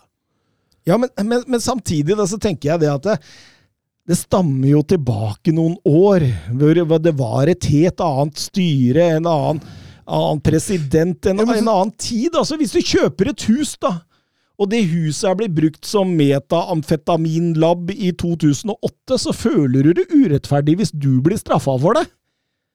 Hvis du skjønner hva jeg mener? Eh, nei, for den det føler jeg det ikke kan å bruke. Fordi i den perioden de hadde dette styret, så vant de Champions League. De vant La Liga! Altså, det blir som den metafetamin... Metafet, Metafetamin! Han blir metafetamin, han nå. det blir som den labben vant masse priser, da! Oh. Fordi de var så flinke de, de de solgte og putta penger under eh, pipa, og, Ja. så, og så gravde du opp og fant de pengene, og så ga du ikke å si fra. Nei, de, de Nei, okay. lagde så bra metamfetamin at de fikk priser ute i verden for det. Ja. Så viser det seg at det var jo bare juks, det huset der. Dommera som dømte dette. Ja, nettopp. Og, men, selv om, men selv om de Knallharde hele gjengen. Ja, dem er knallhard. Nei, det der gikk Det der ble bare dumt. Eh, sånn at jeg, jeg, jeg tror Basha får trøbbel med å komme seg unna det. Jeg ser jo hva du mener. Altså, de folka som styrte der da, de er jo ikke der lenger. Uh, men, men Jeg tror det blir private oppgjør. Ja, det tror jeg. Jeg tror ikke Barcelona får noe særlig for det. Det er så Nei, vanskelig ja, ja, å straffe folk som ikke har gjort noe. Ja, men de straffer jo ikke folka. De straffer jo klubben. Ja. Ta fra dem trofeer. Fra fra dem penger, bøter. Det er det du tror det blir. Ja, I verste fall så tror jeg det. Uff, den der, der, altså. Den kan bli tøff. Eh, Real Madrid, eh, Valladolid eh, Ja, igjen en slow start. Nok en gang. Altså, jeg veit ikke hva det er med de første 10-15 minuttene når Real Madrid spiller. Eh, Valladolid har jo to ganske gedigne muligheter eh, før Real eh, tar mer og mer kontroll og begynner å styre dette i de vante veiene. Absolutt. Og, og, og etter 1-0, da, så er det jo Altså, det, det mellomrommet som Real Valladolid gir mellom 1-0 og egentlig resten av omgangen, det, det er jo helt sinnssykt. Virker som å får litt blod på tann. Har en i stolpen der tidlig og, og, og presser dem litt, grann, og, så, og så skjærer det seg fullstendig, altså. Nei, Det er veldig, veldig spesielt. Eh, Benzema gjør vel hat trick på 7-8 minutter der. Er Seks og et halvt. Voldsomt deilig 4-0-skåring. Ja, Ja, for et klasse hat trick! Altså, to av de skåringene er jo verdensklasse. Mm. Mm. Det er ikke så ofte du ser tre sånne skåringer, i, eller et, et ekte hat trick, som er så klasse, liksom. Nei, og 4-0 til pause det, det, det, Altså, Real Madrid kunne skåret så mange de ville her. Om det var fordi Real Madrid var så gode, eller Valladolid som bøyde seg ned og sa 'vær så god, forsyn dere'. Ga dem Vazelin-boksen og sa 'vær så god, forsyn dere'. det, det, det, det er vel kanskje en god blanding? Jeg da. tenker det er en blanding. Jeg tenker det. Uh, man ser jo også gjennom altså Real, Madrid, altså Real Madrid er jo der ute og koser seg litt. Ja. Og Bytter inn Ja, Hazard. Ja, ikke sant. Og så har de to brasilianere bak Benzema i dag. Eh, eller på lørdag. Rodrigo og Venitius som eh, Ja. Herjer. Ja, fy fader, de er bra, altså. Mm. De har vel to assist hver der. Rodrigo har en scoring i tillegg, så de Altså Benzema med hat trick, så Det eneste jeg tenkte på, det var liksom når, når, når kampen lakk og lei, er det det det heter, utover i annenomgangen der, så at ikke bare Angelotti finner ut at eh, nå må vi bare få hvilt.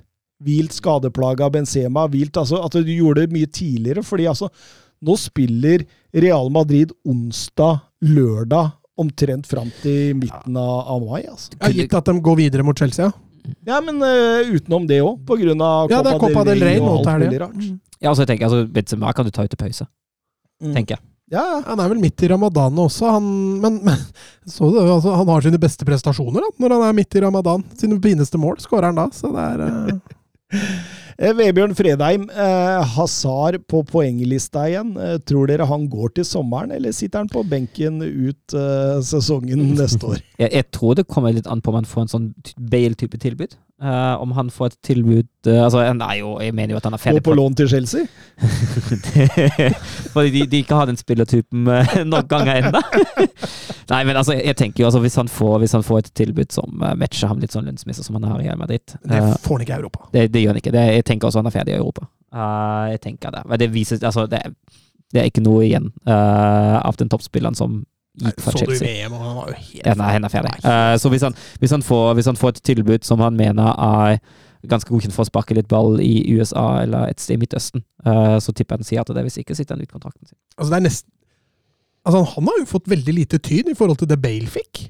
Ja, men, Bale fikk jo enormt Ja, men jeg vet Og, det og, hvorfor. og, og det er litt spesielt med tanke på at Bale Han leverte jo Leverte jo store Ja. deler av tida. Han, uh, Azar har jo bare gått inn og spist Burger King-mat og bare forfalt. men han, har, han har vært stille om det, det er det som er greia. Bale står og bare Men Wales- Bale har jo vært litt stille om Det var bare det flagget med Ja, ja. Wales, golf, Real Madrid Ja, som, som ja og så- altså, altså, har, han- har han vært litt sånn etter at han avgjorde Champions League-finalen mot uh, Liverpool. Ja, nei, nå, må, nå er jeg superstjerne og bla, bla, bla. ikke sant da? Det er liksom der det, er sånn der det proble- problemet lå.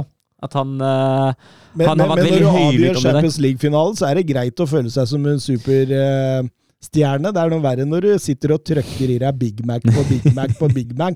Da går det ikke an å kalle seg superstjerne. Nei, men da, så holder han jo heldigvis kjefta opp. Han fikk jo assist nå, da, mot Valladolid. Han gjorde det. han gjorde Det Det var jo det Fredheim sa her. På, Ja, på men det er jo minst like bra som et brassespark i en Champions League-finale som blir mål. Vi må hylle Benzema litt også. 233 La Liga-målet opp på en femteplass over historiens mestskårende i La Liga. Uh, strålende dette hat tricket han setter nå. Ja, og den, den betydningen han har hatt for Real Madrid i det siste. Særlig etter at Ronaldo gikk. Hvordan han har blomstra på den spissplassen. Uh, hvordan han har tatt ansvar og i perioder utgjort nesten hele Real Madrids angrep alene. Eh, det står det stor, stor respekt av. Det er helt sjukt. Han er på femteplass over målskårer i La Ligas historie, men han har fortsatt Han har fortsatt over dobbelt så mange mål opp til lederen. Ja. Det er godt Harry Kane ikke skal gå for den rekorden, si! 474 satt av Lionel Messi. Ronaldo på, på andreplass med 311. Telmo Sarra på tredje med 252. Den er faktisk innen rekkevidde. Og Hugo Sanchez med 234 på fjerdeplass. Altså bare én opp, så den vil han nok ta i løpet av sesongen. Ja da, Benzema blir vel 3, 35 nå, så han begynner jo Han har jo ikke så eh, mange gode år igjen, men eh, altså det, Han viser jo på det brassesparket at det fysiske har han jo forholdsvis godt på plass fortsatt. Blir litt mer skada nå, da. Ja da, han er mer skadeutsatt, det er helt riktig. Og toppfarta kommer bare til å synke. Mm. Atletico Madrid mot eh, Real Betis. eh, Jeg vil si nok en Simione masterclass, faktisk. Ja, jeg syns de begynner offensivt. De går litt offensivt til verks der. Ønsker å få en scoring tidlig, virker det som. Får ikke det, og så ender de da opp med denne masterclassen som du er ute etter, hvor de kontrollerer kampen i mye større grad. Eh, Men jeg syns jo de er eh, ganske kjølige, da, som venter, til, venter såpass lenge med å avgjøre matchen. eh, Hvis det skal være en masterclass. Ja, absolutt, men, men samtidig så sitter man jo og tenker at at uh, man, man, sitter jo og tenker at de er så i flytsonen at det her vil det komme etter hvert. Altså, du, altså Atletico Madrid, sånn som det har vært under disse kampene før, er de ikke i flytsonen, så slipper de inn det målet Mm. som gjør at de må jage, og så, og så blir kan du kaste hele på en måte eh, Plan A plan B. plan A og plan B ut av vinduet. Eh, eller så får de i flytsonen dette målet til slutt, og det gjør de også her og nå. Nå, nå ser de jo litt ut som det Atletico Madrid igjen som, som vant seriegullet. Mm, jeg er helt enig. Det er bunnsolid. Slipper Betis til veldig lite. Betis har en liten periode på sånn rundt 60-70 hvor de produserer noe. Men bortsett fra det, så, så syns jeg Atletico har god kontroll defensivt. Og så er det denne flyten du er inne på, da. Altså det Angel Gorea gjør når han drar med seg ballen i første omgang, det er maks flyt. Den spretter hit og dit, og så ender han til slutt opp i beina på Korea. Men det han gjør etter det, det er pur verdensklasse. Først en, skudd, nei, først en finte hvor han drar seg inn i banen. Drar av en mann, drar en ny skuddfinte som kvitter seg med den andre, og så plasserer han ballen tilbake igjen der han kom fra. Det, det er ballbehandling og avslutning og oversikt på høyt, høyt nivå. Det var det 14. målet av en innbytter i Atletico Madrid denne sesongen. Det er ingen andre lag i topp fem-ligaene, faktisk, som har flere mål fra benken enn Atletico Madrid. Det tyder jo også på at han klarer å trykke på de rette knappene, han Diego Simione. Ja, men de har også en bra bredde framme. Han kan jo ikke starte med Morata, Korea, Griezmann, alle disse samtidig. Så Det betyr at det kommer kvalitet inn, stort sett i hver kamp. da. Eh, Og veldig ofte så trenger Atletico Madrid mål. så det har vel en liten sammenheng der. Elleve matcher nå uten tap. Lengste run siden februar 2021. Og Jan Oblak holdt nullen i hans 886. Nei, 386. 800, det var mye. Og så fra 800 til 36. Det var voldsomt gap der. Ja, det er voldsomt. 389. kamp for Atletico Madrid. Dermed tangerer han Diego Godin om å være den spilleren med ikke-spansk pass som har flest kamper for Atletico Madrid i historien. Eh, da virker jo som tre av fire Champions League-lag er klare i Ja, det begynner å bli luke nå. Eh, Betis, som de slo, eh, var jo på femte, og Sociedad, som ligger på fjerde akkurat nå, tapte jo også. Så da har de fått, eh, fått en luke ned til femteplassen på ni poeng, og da, da begynner det å virke safe. Det er riktignok elleve kamper igjen, men som du er inne på, den flyten de har nå, de kommer til å plukke de 10-12-15 poengene de trenger for å sikre den, eh, sikre den tredjeplassen, fjerdeplassen. Eivind Stølen, er det positivt eller betenkelig at en spiller som Oyan Sanchez eh, har signert en åtteårskontrakt med Atletico Bilbao? Hva kalte du den? Oyan Sanchez? Sanchet. Sanchet, Ja, å, ja, han i Bilbao, ja. Jeg leste feil, jeg. da. Ja, ja, stemmer. Eh, hva, hva, Han skriver Sanchez her, men det er jo selvfølgelig Sanset. Er det han Ja, men har signert han har signert en åtteårskontrakt med Bilbao. Åpenbart. Ja, ja. Eh, altså, dette er jo litt klassisk atletikk. Eh, de tar vare, veldig godt vare på de unggutta. Han har sikkert en skyhøy utkjøpsklausul. Eh, og de ser potensialet for et potensial hos Sanset. Det er ganske stort. Eh, nå begynner han riktignok å dra litt på åra, men dette er nok en spiller de har lyst til å bygge litt rundt. Litt sånn Iker Munyain. Eh, riktignok ikke samme type, men, men litt samme story, kanskje. Eh, hvor alarmerende? Jeg skjønner Bilbao veldig godt, ja, med tanke på den policyen de har. De skal jo kun bruke baskere. Riktignok pusher den de pusher den litt, inn, men det, er ikke, det gror ikke flust av talentfulle, gode spillere som har baskisk eh, pass. Så det, jeg skjønner det godt, jeg. Mm. Ja, Altså, men det er bra. Ingenting i forhold til Chelsea. Nei, der sitter jo halve laget på åtteårskontrakter, så det Hvem tar den siste Champions League-plassen nå, sånn vi ser det? Jeg føler vi bytter hver uke nå. Ja, vi gjør det. Men altså, kan, jeg, jeg kan Jeg tenker Altså, det, Vi har sagt Betis, har vi ikke ja, det? vi har, jeg har lyst til å stå fast ved Betis, egentlig. akkurat, for akkurat toppen den runden her så kommer vi realklart best ut. Jo, da. Eh, og de ligger jo helt der oppe, dem også. Så det er fire poeng fra Viareal opp Skal, til skal vi vingle hver runde? Ja. Vi, spør, vi tar utgangspunkt i hver runde. Nå sier vi eh, via real. Nei, den er, den er ganske åpen, altså. Ja, den er veldig åpen. Der er det 33,33 på omtrent alt. Ja, enig. Nei, vi kjører Bundesliga. Er macht ein richtig gutes Spiel. Jan Schimonek. Die Wolfsburger lassen so gut wie nichts zu. Grafit. Grafit gegen Lell. Jetzt wird's eine Demütigung. Guckt euch das an. Bist du verrückt? Bist du verrückt? Tor des Jahres. Die Bayern der Lächerlichkeit preisgegeben. Vi får begynne i Bundesliga med Wolfsburg mot Augsburg, Søren. Ja, fint det. Eh, kampen begynte jo på verst tenkelig måte. Det Eh, var jo en bra Nå skal ikke jeg forgripe noe her, Nei, men, nei, du, men- du, du begynte så negativt. ja, ja, ja det, det var inngangen jeg tenkte på. Der. Ok. Eller ikke inngangen, men starten. Eh, og den var jo, den var jo ganske kjip nå. Arnold eh, Lurer på hva han får det til, da!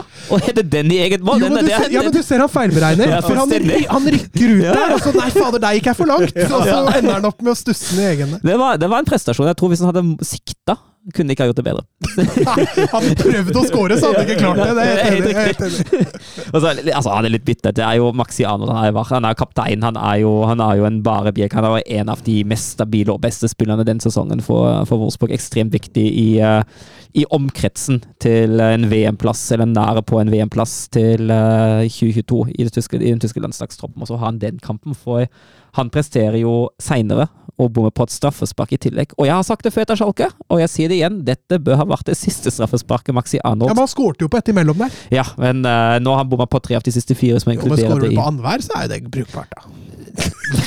Maxi Arnold er faktisk bare den tredje Bundesliga-spilleren i historien som klarer å, Ja, å, å bomme på straffespark og skåre et Og selvmål jeg i samme kamp. og jeg vet hvem de to andre er. Det er Mario Basler og Stefan Kunz. Begge to fra Kaiserslautern. Begge fra Kaiserslautern. Det visste jeg jo faktisk. Men uh, Men uh, han, han sagt nå etter kampen at han kommer ikke til å, til å ta flere straffespark. Og så skulle han sette seg Og så skulle han sette seg med noe alkoholholdig drikke i sofaen den kvelden og bare glemme at den kampen han noensinne fant sted. Uh, det var han vel for Det er lov å ha en, eh, å ha en dårlig dag. Eh, for all del. Og han har, han har, vært, han har vært strålende i sesongen, så Ja, han brant straffemerket der, så, så var det litt sånn Kommer man til å bue på den? Men det var man kanskje ikke. Nei, nei, nei, nei ikke, ikke ham. Ikke ham, ikke i det hele tatt. Uh, jeg, jeg, jeg er mer kritisk til at Kovac tar det i det hele tatt. Jeg mener at da bør Kovac inn og inngripe og For du ser at han er rusten også etter selvmålet. Du ser at han spiller litt smårusten, ikke på sitt vante, sitt vante nivå. og jeg hadde ikke latt den ta det. Men uh, du er inne på det, Mats. Wolfsburg, jeg syns egentlig prestasjonen utenom at man da også kort tid etter det straffesparket får 0-2 i sekken. Uh, jeg syns prestasjonen i seg sjøl den er ikke så ille. Den er, den er fin. Man skaper, jo, man skaper jo voldsomt med sjanser. Ballen vil ikke inn.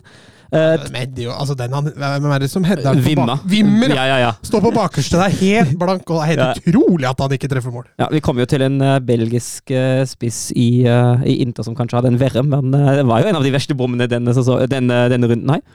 Ja, ja, jeg er enig. Lukaku har en fight ennå, men, Ja. eh, men den er på grensa, for han får ballen Ja, rett vet, mot seg. Så det er jo bare Den, den, altså, den å ha sette. og- panna mot mål, så går Og den inn. og så hadde jo Gerhard i, i stolpen, og du har jo du er en del fightersjanser som Vosborg skaper. Altså, man sitter jo til pause med følelsen av at det ligger med 0-2. Dette er en sånn typisk kamp der man kan spille i tre år uten å i det hele tatt score. Og det fortsetter jo i andre omgang. Det gjør jo det. Augsburg er jo veldig defensive. De har én god overgangsmulighet, uh, der man er nære på Hvis, hvis lobben kommer litt fornuftig, så blir det 3-0. Eh, men ellers er det jo Wolfsburg som, som styrer mot et dyptliggende Augsburg og faktisk skaper sjanser. Jeg, jeg syns eh, Jonas Wind kommer for seint. jeg syns han skal inn til pausen. Eh, han er jo han er jo en avslutter. Han er jo kanskje den, den beste avslutteren vi har i troppen til den kampen der. Eh, og da bør han inn før, når det er der det skorter på. Det er Um, best å komme i tide når du skal Så- Sorry. Det er din skyld! Min skyld? Ja, jeg ser vekk! nei, men, uh, men den sitter jo som sagt med en følelse til slutt. Det kommer for seint. den sitter jo til slutt med en følelse og tenker at dette har, dette har tre, altså tre bortkasta poeng, men så kommer det en sluttspurt. Arnold slår et, uh, slår et korridorfrispark i boksen, og Waldschmidt, uh, en innbytter, setter 1-2. Og fem og et halvt minutt på overtid stanger Felix Mnetsja en annen innbytter inn. uh, 2-2, og Wolfsburg redder et poeng i en kamp der man skaper en XG på 3,94. Ja. Er keepertabba den siste her? Det er. Fryktelig ass. keepertabbe. Fryktelig, men uh, altså ikke noe av noen stor hodespiller, men uh, der timeren eh, fullstendig gærent. Ja, det var Debuterte forresten for landslaget mot Belgia for det tyske nå, Felix Mnetsja. I, Ja, det stemmer, det. i midtuka. Ble bytta inn etter en halvtime der. Uh, nei, men altså, det er greit å redde det poenget. Uh, det er jo en kamp man egentlig bør ha vunnet, uh, og måtte ha vunnet, men man, man går i hvert fall ikke inn i de neste altså man, man føler seg litt som en moralsk vinner. På en hvilken som helst annen kamp der man lå under 0-2 og redda seg til 2-2, hadde jeg vært ganske fornøyd, men jeg føler fortsatt at det er to bortkasta poeng her. På grunn av alle de sjansene man hadde. Altså, særlig siden man på de siste fem nå, da, står uten seier. Tre uavgjort og to tap. Ja. Så blir det litt sånn Det blir litt utgjort, da. Mm. Hva, hva, hva, hva, hva sa du nå? Det blir litt utgjort. Ja, det blir jo det. ja. Mm. Ja. Nei, så det var neste runde Anna mot Mönchengladbach, og da mangler jo både, både Baku og Wimmer, som begge to fikk sitt femte gullekort nå, så det blir jo blir tøft, det. Ja. RB Leipzig, Mainz eh, Den koste jeg med. Den, Det var en voldsomt god kamp. nydelig. Uh, det Fra et av laga. ja, uh, Bo Svensson-fotball på sitt beste. Mm. Eh, når et Bo Svensson-lag spiller til deg, det, det er så herlig. Det er, det er høy intensitet, det er høy taktisk disiplin, uh, det er til tider fint angrepsfotball. Og det er Det der er jo en enveiskjøring. Ja, ja, ja. Ut av dimensjoner. Altså, Altså, RB Leipzig blir fillerista Ja. på egen hjemmebane, og, og kanskje best av dem alle. Han er norsk og heter Baker Hansen, som Søren, lik- Søren liker å kalle han. Andreas Hanke Olsen. Eh, Jørgen Knutsen eh, spør, eh, sier eller sier at han er på rundens lag i kicker. ja, det stemmer, det. Eh, men han spør oss hvem av utespillere i eh, Bundesliga med norsk pass klarer seg best av eh, Hanke Olsen, Ryerson og Thorsby. Akkurat nå syns jeg det er Hanke Olsen. Eh, jeg syns Ryerson har vært varierende i Dortmund. Den kampen han hadde mot Bayern, og den var ikke bra i det hele tatt. Han har hatt noen gode kamper, men han har vært litt sånn Opp og ned. Enig. Thorsby Torsby har vært mye skada når han har spilt. Han som regel rettferdiggjort en plass. Uh, han syns ikke han har gjort seg bort, men uh, med tanke på at han, han var jo ikke helt på den fysiske formen i, i starten uh, av sin uniontid, så har det jo først kommet nå at han har fått litt mer spilletid. Uh, jeg syns Hanke Olsen han er, jo, han er jo nesten glidd rett inn. Uh, jeg syns Hanke Olsen har, har vært akkurat det som Mainz har ønsket seg fram. Da. Ja, han gikk jo rett inn på laget. Ja. Det var første kampen han starta på benken. Ellers Ja. har han jo spilt omtrent 90 i hver kamp han har spilt. Han har det. Når, når den taklingen på Konrad Leimer kom der er, Den er så deilig, så rein, den er så knallhard at uh, da, da, da, da fikk det meg til å tenke Hvorfor spilte Solbakken med to stoppere som ikke spiller fotball? Og så, så, så kan du godt tenke ok, han spiller i en treer der, men den verdien han kommer inn med, da, I kampform, ja. Den, den er jo helt Altså, enestående. du kan ikke si, si til meg at Stefan Strandberg er en bedre stopper enn Hanke Olsen. Nei. Det er han jo på ingen måte. Ikke en toer, ikke en treer, uansett. Men altså, altså har jeg lyst til å, å rose og framheve en annen spiller. Ludovic Ajork, spissen. Jeg syns han, eh, han har en strålende kamp, ikke bare pga. den, eh, den fine skåringen til 2-0 han har. Ja, men den er så Den, den er så klasse. Men hvordan han fungerer som et oppspillspunkt for Mainz, har jo lagt seg en helt tydelig kampplan med ball, med ball òg. frispillinga, det dropper vi. Vi slår de høyt, vi slår de langt, vi slår de mot Ajork. Og hvis ikke vi klarer å treffe på ham, da vinner vi andre ballen. Og det lykkes de voldsomt godt med. Eh, de Barreiro der, han vant jo Ja, han alle, vant alt. Det er- alle ja. andre baller. Helt vanvittig. Og da hindrer man også at man går i, i presset til Leipzig, som jo er en av deres største styrker. Mm. Uh, og kampen går jo fullstendig på Mainz sine premisser, for Mainz sitt press, det er bra. Uh, vi har sett det før. Når du stenger av sentrumet mot Leipzig, så har Leipzig problemer. Det er det som skjer, og Leipzig skal, skaper ingenting mot etablert forsvar. Nei. Åh, Og den der eh, til Ingvartsen der når han venter ut Willy Orban Ja. før han drar med det der. Ja. Alle, alle tre Mainz-måla var strålende. Helt enig. Og en fullfortjent 3-0-seier det deg. Og, og, og nå, altså tre av fire tap nå på rad for Marco Rose begynner å, begynner å brenne litt i kampen om Champions League òg, faktisk. Ja, det gjør det, og prestasjonene har vært dårlige, de òg. Det har vært varierende. Uh, vi har jo altså Selv i siste seieren mot Mönchenglattbach den kunne fort ha svingt begge veier da, for de samme svakhetene man så Nå sitter de litt i en litt annen premiss, da, men mot både Bochum og Mainz så man også godt mot Mönchenglattbach. Og Mm. det må man jobbe med nå, altså.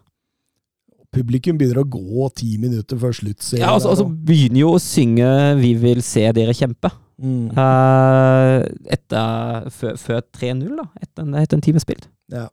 Nei, det, det, det var ikke bra, det.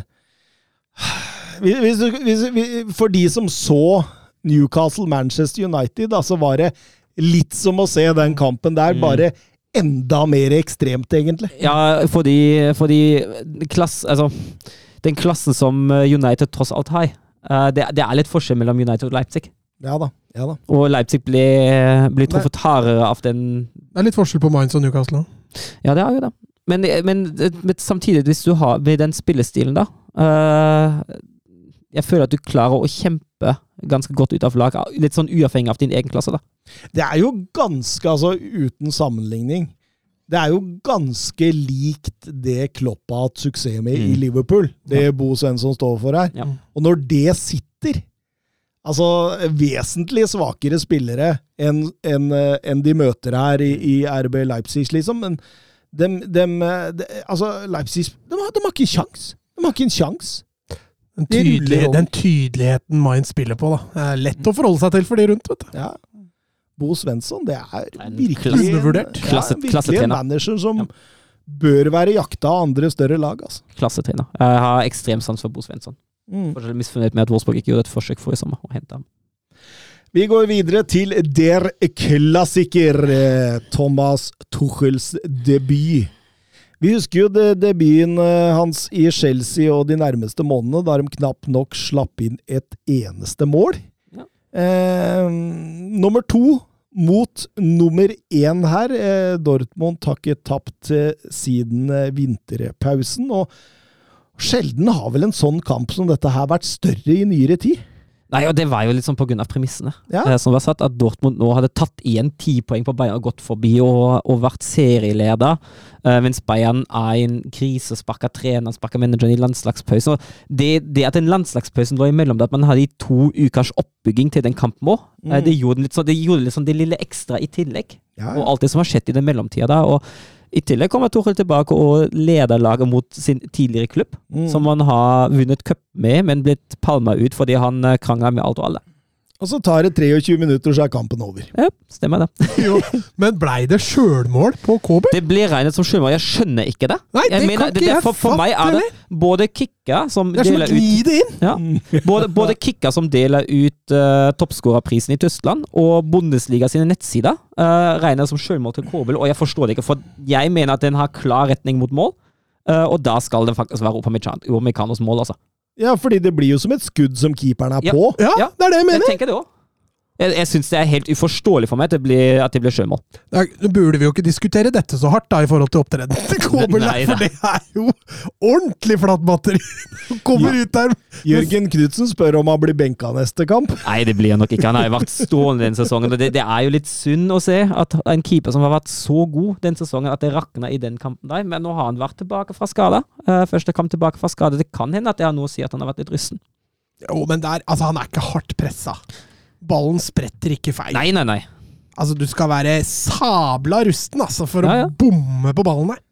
Jeg er jo enig. altså jeg synes det, det er en helt Du satt tabbe. og forsvarte Kobel. Nei, jeg gjør ikke det. Jeg gjør ikke det. Det er en helt horribel tabbe, og særlig i den kampen. Ah, og det får jo maks effekt, da, Ja, når du gjør i den matchen. i Ja, for det, det kommer i tillegg at jeg syns jo Dortmund har egentlig en ganske ålreit start de første tolv minutter. Ja, Og de går hardt ut. De Ja. skaper jo ikke noen sjanser, men de setter et trykk, Ja, da. og. Bayern ser nervøse ut, og Bayerns spillere har jo uttalt uh, etter kampen at det var den ene skåringen som ga oss den tryggheten, at vi kunne sette opp vårt eget spill. Mm. Mm. Og jo, og etter, etter, fra der og ut er jo Bayern det klart beste laget og gjør jo nesten som de vil. De gjør jo egentlig det. Og det er jo altså det at, eh, at eh, Ja, de tar jo De leder jo 4-0 der etter ca. 50-60 minutter, er det vel. Og så, og så, og så bare slapper de Ja, av. Og, og slipper Dortmund litt inn i matchen, da. Er det Altså, 4-2-målet der, er det veldedighet av dommerne? Hadde det vært 4-3, så tror jeg de har annullert den skåringa. Det kan tenkes, det. For det han blander seg inn, han som er på bakerste Mm, der. ja. Og du ser Jan Sommer trekker seg lite Mm. grann før han kaster seg. Og da tenker jeg dommerne Nei, vi gidder ikke å gjøre noe med det. Det blir seier til Bayern allikevel. Mm. Ja, det kan tenkes at du er rett der. Ja, fordi det var jo Egentlig så blir du sittende, da. Og føler deg litt snytt for kampen. Da han blei sånn som han blei, faktisk. Ja, Det Det er litt klassisk Bayern-Dortmund, Det er det, det ikke det? Det var, jo, det, var jo, det var jo det vi har sagt de siste episodene, at de kommer til å slå Dortmund, de kommer til å vinne gull. Mm. Det, det var jo akkurat som forventa. Bayern Münchens niende strake hjemmeseier mot Dortmund. Det er ingen de har et bedre run mot enn Dortmund på hjemmebane. Nei, og så har de jo Altså, de bøtter jo inn med mål mot Dortmund gang på gang på gang nå, altså. Mm. Det er, det er ikke sånn at de vinner sånn knepent 1-0 eller, eller 2-1. Det er jo 3-4-5 mål nesten hver kamp. Ja, helt klart. Og, og disse stjernespillere som på en måte har uh, dratt eh, Dortmund eh, opp på tabelltopp, de, de var jo borte. Bellingham var borte. Ja, Bellingham var altså, Ja. Kim, Kimmich fikk jo altfor mye rom sentralt. Han fikk jo styret som han ville. Det var jo ingen som gadd å gå i press på ham. Ja, Marco Rose kom aldri inn i det. Ryerson, som du var innpå for Ja, det er jo forferdelig første Ja, gang. 3-0 er jo hans. Ja, ja. Og, men du ser offensivt òg. Der ser du han blir litt hemma at han er høyrefota. Mm. For han blir tvinga utover, og da, da er han sjanseløs. Eh, ellers så er det jo som du sier, altså Gureiro inne sentralt. Der funka jo ikke den matchen her. Slåttebekk måtte jo ut, eh, og da Hummels inn der. Han var ikke Ja, Slåttebekk skal visstnok være litt, uh, litt verre skada nå, være litt Uff. ute litt, og det, det er en blow for Dortmund. Ja, det gjør jo bare det seriegullet til Bayern München enda klarere. Eh, Jørgen Knutsen, Khan Kahn versus eh, Matheus. Eh, det, den, den er gøy. Ja. ble det noen diskusjoner rundt Nagelsmann der? Ja, det ble det. Eh, Det begynte jo med at Matheus skrev i Kikka at han mente at den, ehm, den familiære atmosfæren rundt klubben, eller i klubben i Bayern, at den var borte. Og så eh, i forbindelse med at han kritiserte litt det som jeg også hadde kritisert, at Nagelsmann fikk vite det via mediene, at han var ferdig, og ikke direkte fra klubben først. Eh, og det er jeg jo enig i. Um, og så møttes de jo før kampen uh, på Sky og snakket litt da, og da begynte jo krangelen om akkurat det der. Uh, Khan sa vel at du har jo egentlig ikke noe innsyn i de prosessene som vi har gjort, og vi har jo prøvd det vi skulle, og prøvd å rettferdiggjøre seg litt, og vi vurderte å kjøre til ham, og det er ikke vi som har lekka det til mediene og alt det der, mens Matheos uh, har da svart at uh, at uh, jeg har snakka med folk i klubben som kanskje ikke du kjenner engang, og de bekreftet til meg det samme, at den, den atmosfæren, det familiære, det er litt borte. Og nå har han jo gått ut i dag i mediene uh, og sagt nei, kan han lyve? Uh, Nagelsmann sitt management har sagt at de har ikke prøvd å kontakte oss i det hele tatt. Um, så det er litt sånn Altså, Matheos han er en fyr som har veldig mange meninger. Eh, ikke nødvendigvis alltid med den største tyngden bak de meningene der. Eh, men akkurat i den saken der føler jeg at han er inne på noe. Eh, og jeg, jeg, mener at av et av hovedproblemene som Bayern har, er jo uh, Hassan Salihamidzic. Eh, de hadde nå et intervju med Herman Gerland i Kikka. Uh, tidligere altså, trenerlegende i Bayern. Han har vært veldig veldig lenge på ungdomsavdelinga, på andrelaget, og vært assistenttrener for førstelaget. Og han gikk ut et år før kontrakten i sommeren i fjor. Uh, og han har nå gått ut og sagt at det er fordi Bratz og jeg vi kom ikke overens. Ja. Uh, han, han syntes det var helt ok, for han sa at det er innimellom sånn at man, noen mennesker bare klikker ikke med hverandre. Eh, så han tok det egentlig ganske, ganske mye ro. Han var ikke bitter? Nei, nei, nei, han var ikke bitter. Han tok det ganske mye ro. Han er, altså, han er jo 70 år gammel, så han uh, Han gidder ikke å være bitter? Nei, nei, nei. Uh, men jeg føler det er litt sånn Det er litt sånn Salamidzic som det ofte koker ned på. Uh, det var så han som krangla med Flikk. Det er Man hører litt rykter rundt at han um, han, altså han begynner å krangle sånn med folk Det er sånn splitt og hersk-opplegg? Ja, jeg føler at det er litt sånn, da. Ja. og jeg kan se for meg at noe av den der uh, enheten som Bayern altså, har, altså, har prega Bayern, da. At alle føler at vi, vi, drar i samme retning. Vi er en stor Bayern-familie innad i klubben. Mm. At den slår litt sprekker med ham, altså. Ja. Uten at, uten at, jeg sitter på noen flere kilder, men uh, ut ifra det, det, jeg har lest da, fra Virker jo ikke som verdens mest sympatiske nei. mann, denne Oliver Kahn heller. nei da, nei da, men uh, Nei, men, men har det litt sammenheng også med at Brazzo plutselig ble sittende på tribunen etter sesong to med Nagelsmann? Ja, det, det kan jo hende. Jeg veit jo ikke, men uh... For det har jo vært tradisjoner, ikke bare i Bayern, men i mm. Tyskland, at sportssjefen sitter på benken? Ja, altså det, det kommer litt an på hvilken, hvilken, rolle du har, men jeg tror det har med at han, uh, han blir flytta opp fra sportsdirektør til sportssjef. Uh, fordi altså, han er jo sitter jo nå i styret. og har den styrerollen som sportslig ansvarlig i styret. og det er mer naturlig. I Wolfsburg er det jo lignende med sjefen nå. Og så lenge sjefen var sportsdirektør og jobbet under sportssjefen Schmatka, så satt han på benken. Og nå har hans nye plass blitt på tribunen, for nå har kommet inn en ny sportsdirektør i Skinsilorts, og han sitter på benken. Ja. Så det kan, det kan ha vel så mye med det å gjøre. Men det er et et Bayern München som muligens må se seg selv i speilet etter det, hvordan de har behandla ja. Nagelsmann. Ja, jeg syns det. Jeg syns, eh, og jeg har sagt det forrige episode, og jeg mener det fortsatt, at uh, det at en trener får vite at han får sparken i en klubb som Bayern München uh, via mediene, det går ikke. Nei. Det er fullstendig uakseptabelt. Absolutt. Hertha tok poeng mot Freiburg. Ja, det er fullt fortjent òg. Freiburg er litt på, på dalene nå, spiller mye uavgjort her, og ga bort poeng seint i kampen igjen. altså. Mm. Så da, da kommer de litt uh, Taper to poeng i dette Champions League-racet, mens uh, Schalke gikk endelig på en smell igjen. og Det, det, det stoppa med, med Shabi Alonso og Leverkosen. En Shabi Alonso som virkelig har fått fart på mm. Leverkosen-laget her nå. Leverkosen ser voldsomt bra nå ut nå, og har blitt en uh, ordentlig seriøs utfordrer til topp seks. Ett mm. poeng nå bak uh, Frankfurt, og de, uh, de, er jo på en uh, god winning streak, de. Ja, absolutt. Og de to neste kampene for Schalke blir jo uhyre ja, viktige. De Hoffenheim og Hertha de ja. neste. Det bør og, bli seks ja. poeng der! Og Hoffenheim har begynt å komme seg nå. De vant de òg, borte mot Veda Bremen, nå to seire på rad. Så de har begynt å, å komme litt i form. Mm. Union Berlin knuste Stuttgart 3-0, og Jørgen Knutsen spør tror du Eh, Bruno Labadia får fortsette i Stuttgart og lede laget neste serierunde? Og hvis nei, Hvem tar over og kan redde dem fra nedrykk? Ja, nå kom svarene på begge de to før innspilling. Eh, Labadia har fått sparken. Eh, han er ute. Eh, og hans etterfølger er også klar, det er Sebastian Hønes. Eh, Ja. Og med tanke på de navnene som, var, som kusserte rundt, da. Eh, det var jo Hva var det? Marcos Gistol og Ludvig Manja og en sp et spennende navn, da. Alexander Blessin, for all del. Uh, men de da, da hadde det blitt null mål bakover, i hvert ja, fall. men, men altså, det, var, det var jo noen navn der jeg tenkte å herregud, stakkars Stuttgart-supporter, altså, det kan ikke være sant. Uh, men Sebastian Hønes, det er fryktelig spennende. Uh, det er jo en, en trener som, som har fått det sånn noenlunde til i Hoffenheim, uh, syns jeg i hvert fall delvis. Eh, det som feilte ham til slutt, var jo manglende disiplin i troppen, og det er noen av problemene som Labadia også har sett i Stuttgart-troppen, så det blir spennende å se. Men ellers tenker jeg at Hønes spiller en, eh, en offensiv, en kjapp fotball eh, som passer denne troppen, eller som bør passe denne troppen da ganske godt. Mm. Eh, For det er mye hurtigheter, det er mye offensiv tankegang i det Stuttgart-laget.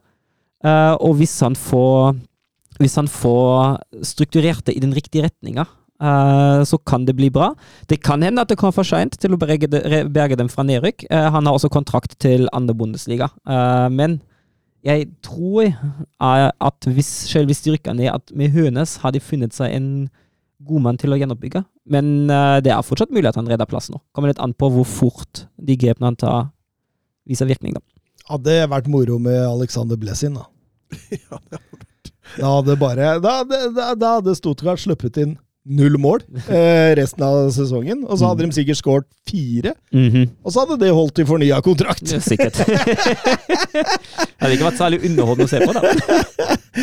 Jørgen Knutsen, apropos klubber som blir sanksjonert av Fifa. Køln er nå ilagt overgangsforbud. Fifa melder at Køln oppfordret 16 år gamle Jaka Schuber til å bryte kontrakten med Olympia Ljubljana, for deretter å signere for den tyske Bundesliga-klubben. Hva er en passende straff, mener dere? Jeg tenker jo at det Altså, hvis det der stemmer, eh, og det må jo domstolene finne ut Køln Köln har jo, har jo um, har jo lagt saken fram til eh, den internasjonale idrettsdomstolen. eh, men hvis det stemmer, tenker jeg at det er helt riktig. Uh, Kober uh, har, blitt, har fått karantene i fire måneder nå, uh, så det ser jo ut som at Fifa har funnet tilstrekkelig med bevis på at dette har, gir grunnlag for avstraffelse til både klubb og spiller. Olympia Ljubljana har jo klaga det inn, og kunne da åpenbart framlegge nok til at Fifa mener at dette er riktig. Og jeg tenker jo at hvis det er en klubb som velger denne skitne overgangspraksisen ved å få en 16 år gammel spiller til å bryte kontakt, for å så kunne signere en gratis, Der tenker jeg at det er helt riktig. Kjør på. Urovekkende mange klubber som får eh, på pukkelen for tida, Mats. Ja, men det er jo på sin plass òg. Altså, nå nevner jo Køln her, men det fins jo masse sånne eksempler på mye lavere nivå. eh, Med, med storklubber som bare holder med å melde interesse, så blir det plutselig sak ut av det med en gang. ikke sant? Eh, Hvis Köln aktivt har gått inn og fått spilleren til å avbryte kontrakta, så er det klart det er, en, er et grovt brudd. Det burde, burde straffes. Samtidig så, så tror jeg det mistenker jeg at det foregår sånne type ting ganske hyppig. Ja. Både mellom storklubber og mellom mindre klubber. Det er fint at uh, Ljubljana åpenbart kunne framlegge noe bevis, da. Helt klart. Helt klart. Bernt eh, Olav Gjellegjerde Hansen. Sant Pauli, Fabian Hirtzeler ist der erste Trainer in der Historie der eigentlichen andre Bundesliga, der seine ersten neun Spiele alle gewann. Ny managerstjerne fra Tyskland. Hva kan du fortelle om han, Søren? Er veldig bra. Ja, hva var det Ja, bra jeg, jeg syns det. Jeg syns det. Det var, det var ikke det. Var ikke, Hva sa, hva sa du? Jeg, jeg sa Du bør ikke si det på nytt, men du kan oversette det bare. Så jeg Ja, San. Paulis eh, Fabian Hysseler er den første treneren i historien i andre Bundesliga som vinner sine første ni kamper. Ja, veldig bra. Oh, oh, oh. Ens, en, ens Tysk skole, vet du. Nei, nei, tysk skole Nei, tysk skole? Tysk eh, Jeg har bare det på Rjukan. Skoletysk. Skoletysk, ja. Skoletysken min. Skoletysk skole. Tysk skole. Ja. Nei, men uh, han, Er det ny managerstjerne, Søren? Ja, det får vi se. Han er, han er veldig, veldig spennende. Uh, han, uh, han har ikke den store kajaen å, å se tilbake på. Eh, han er jo Han har vært assistenttrener i, eh, i St. Pauli, eh, og vært litt i eh, i, ungdoms, i ungdomsmiljøet der. Nei, unnskyld. I ungdomsmiljøet til, til DFB. Han har vært assistent for ungdomslandslag. Um, både i 18 og i 20, og så har han før det vært ansvarlig for FC Pippins Rit. og rykka, dem, rykka med dem opp fra femte til fjerde nivå, som var kjempeoverraskende på den tida. Uh, rykket riktignok ned igjen, og så opp en siste gang før han dro videre til uh, til Fotballforbundet og U-landslag. Eh, og han, han utmerker seg gjennom en veldig altså stor lærevilje. Eh, han er åpenbart veldig, veldig villig til å forandre seg sjøl, til å utvikle seg sjøl. Til å utvikle fotballen han spiller, um, og en stor tilpasningsdyktighet. Uh, han, når han møter svakere motstand, så har han, han veldig lyst til å spille en ballbesittende fotball. Uh, og virkelig dominere de kampene og skape sjanser via via å styre kampen sjøl, via å finne offensive løsninger. Uh, men nå han mener at uh, det laget som vi møter nå, det er bedre. Han har ikke noe problem med å spille en heller uh, høytpressende, stabilt stil. Og, mm. og, finne løsninger der. Og han er jo nå i St. Pauli han er jo veldig opptatt av det med stabilitet. St. Pauli har jo sluppet inn voldsomt lite mål med ham som trener nå. Og det har på en måte vært hans første prioritet nå. Um, den derre possession-stilen, den kan innimellom se litt sånn Sånn treigt er kanskje ikke det riktige ordet, men litt sånn tung ut, da, hvis du skjønner hva jeg mener. Mm. Uh, men det, det, har vist seg å fungere ganske bra, i hvert fall i, i Pippinsrid og nå også i St. Pauli så langt. Uh, så vi får se. Uh, det er i hvert fall meget spennende. jeg syns det, det, er ganske kult at det kommer en manager ut fra ingenting. og det, det synes, litt sånn Will Still-opplegg? Ja, litt, så, litt sånn til deg. Og det, det jeg syns som sagt er, som er, den, er, litt sånn de to mest kule tingene med ham, da, at han har litt sånn den tilpasningsdyktigheten i egen spill. Han sier ok, jeg foretrekker det her, men hvis forutsetning ikke er gitt for det her, så gjør vi noe annet, og det fungerer fint, det òg. Og at han er så lærevillig. Og har lyst til å utvikle seg sjøl hele tida. Man kan komme langt med de to egenskapene der som fotballmanager, altså. Ja, ja, absolutt. Absolutt. Og, det, altså, og jeg personlig, altså, jeg hadde jo ikke syntes at noe, noe, var morsommere enn om uh, St. Pauli hadde klart å snyte HSV for en topp tre-plassering. Er, er, det muligheter for det? Det er muligheter. De er ikke så langt unna nå. Altså. Jo, altså, grunnen til at han overtok, var jo at St. Pauli var jo innblanda i næringsstrid, og da Darmstadt og Heidenheim. Ja, og St. Pauli ligger på tredje, og Nei, HSV ligger på, ligger på tredje, og St. Pauli er seks poeng bak. Og det er ja. klart, hvis de fortsetter den rekka de har nå, ja så er det ikke umulig. Men det gjenstår å se. Altså, kvaliteten til troppen til St. Pauli skulle jo ikke tilsi at man vinner ni på rad. Nei, absolutt ikke. Men det er veldig spennende, da. Fabian Hyrseler. Vi får, eh, vi får følge med navnet. Eh, vi går over til Zeria. Era il marcatore di Cannavaro. Palla tagliata, messa fuori, c'è Pirlo, Pirlo, Pirlo, ancora Pirlo di tacco, tiro, gol!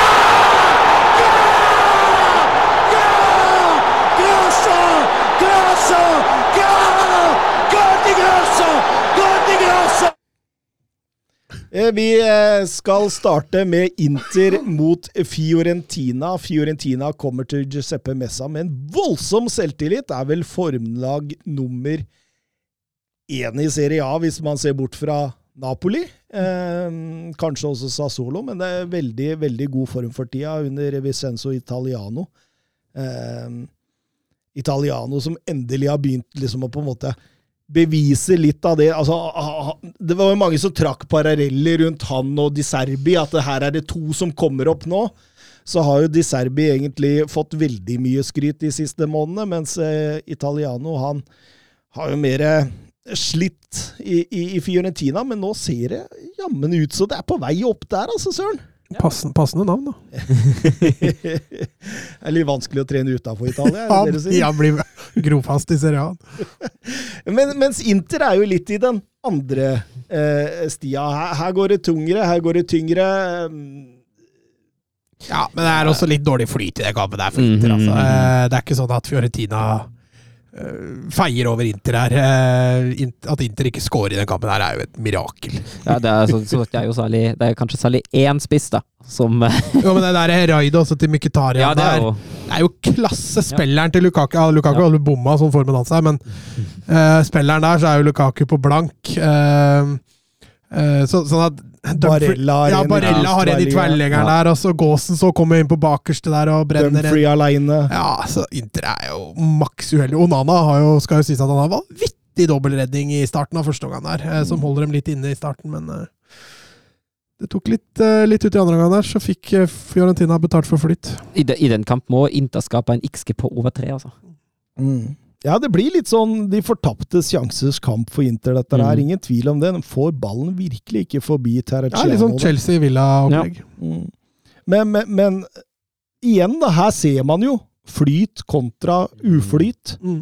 Eh, Fiorentina er i veldig god flyt, eh, Inter sliter mer, og da De ser golden til Fiorentina der. Avslutninga som blir redda egentlig på strek, og så er den på returen, liksom. ja, Bonaventura som, som setter 0-1 der, og det holder helt inn. og Tapet for Inter, det er, det er, det er krise. altså. Den fortsetter den svake rekka si. Det Hjemme har de vært solide. Det er borte de sliter, og nå skal de også da tape hjemme. Eh, man går inn i en tøff periode nå. Champions League mot, mot eh, Benfica. Det, det, det blir tre must win-kamper nå mot Salernitana, Monza og Empoli. Og, så blir kampprogrammet vesentlig tøffere for Inter også. Møter både Lazio, Roma, Napoli og Atalanta. Pluss formsterke eh, Sassolo. Så det, det, er, er, et hardt kampprogram. Det, er, det er ikke sikkert at dette her går til topp fire nå, altså.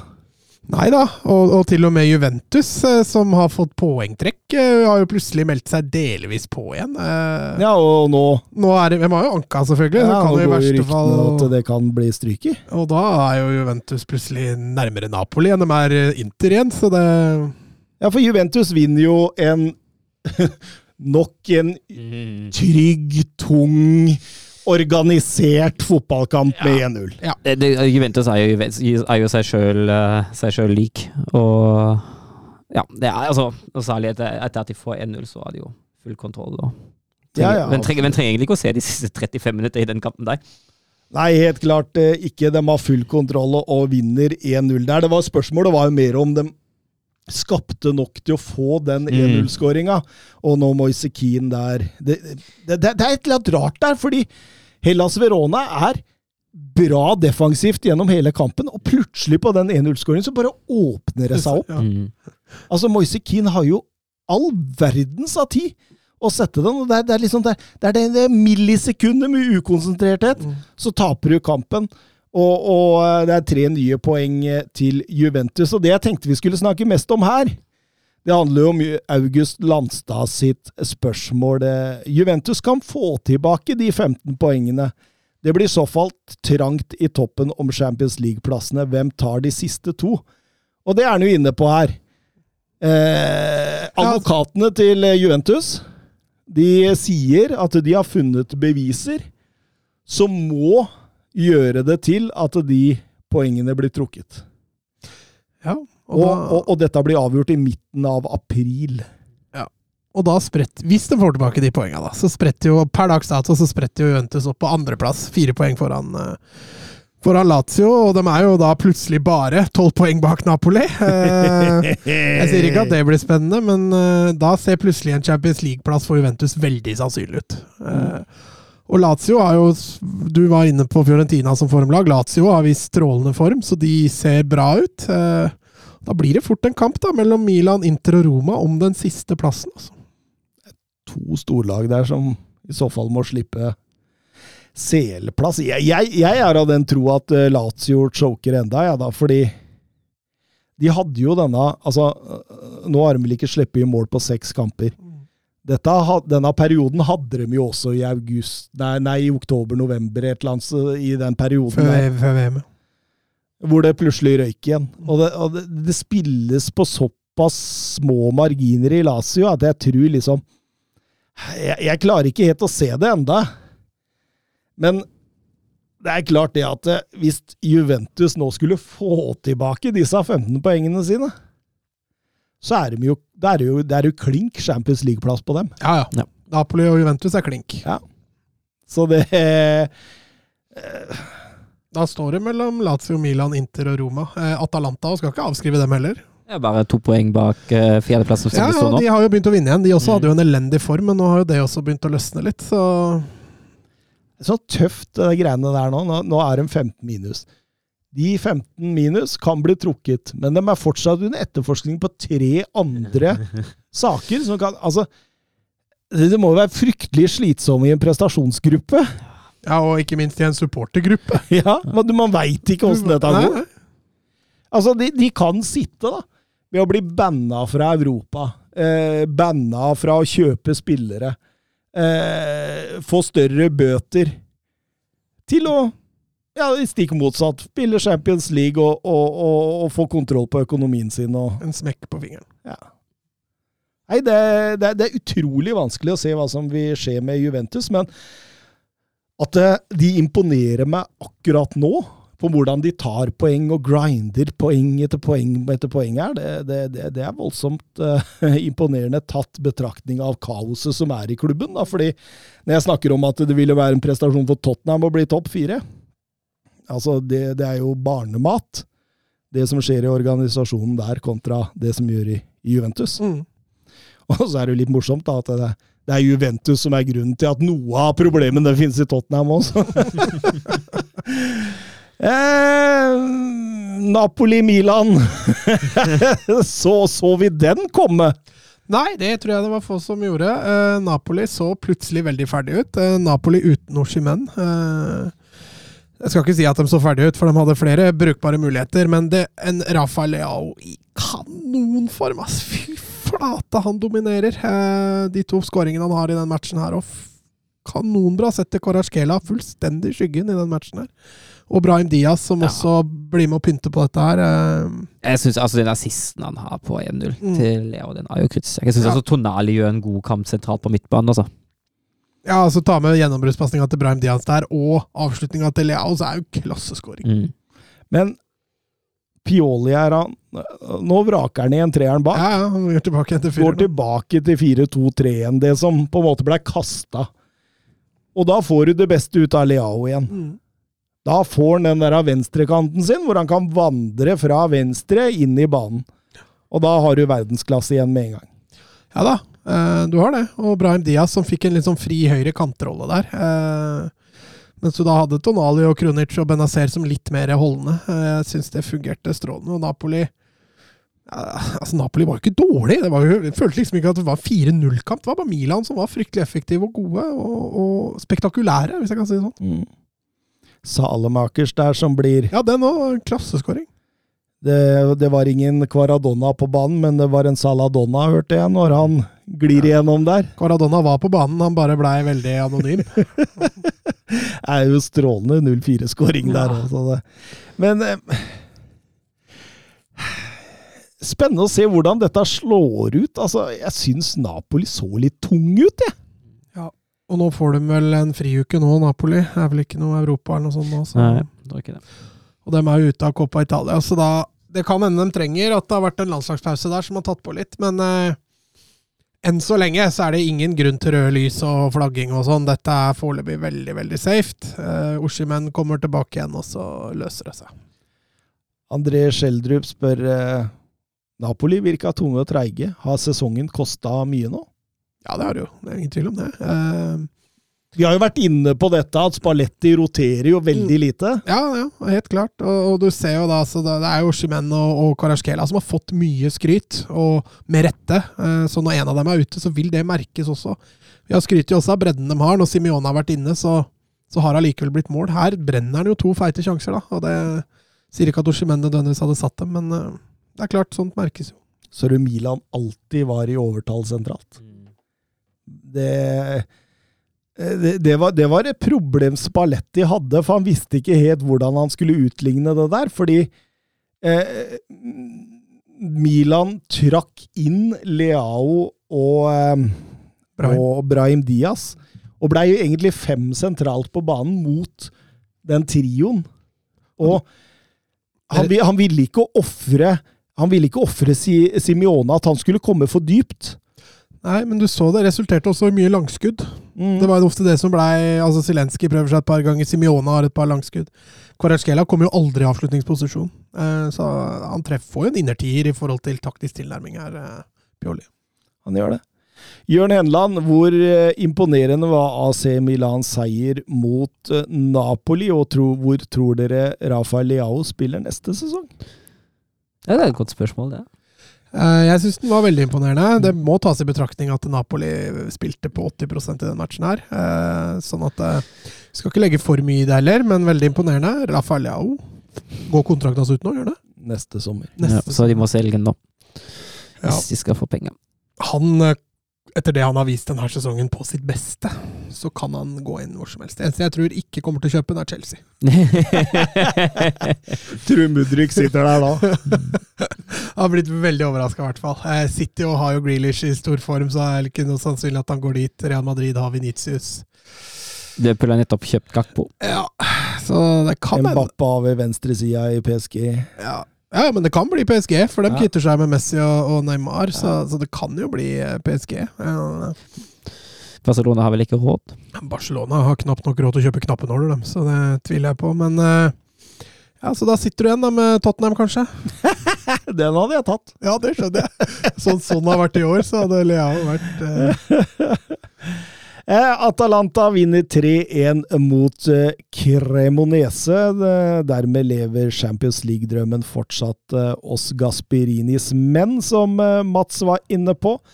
Monza eh, hederlig 0-2-tap mot eh, Lazio, som nok en gang har begynt å stenge igjen buret.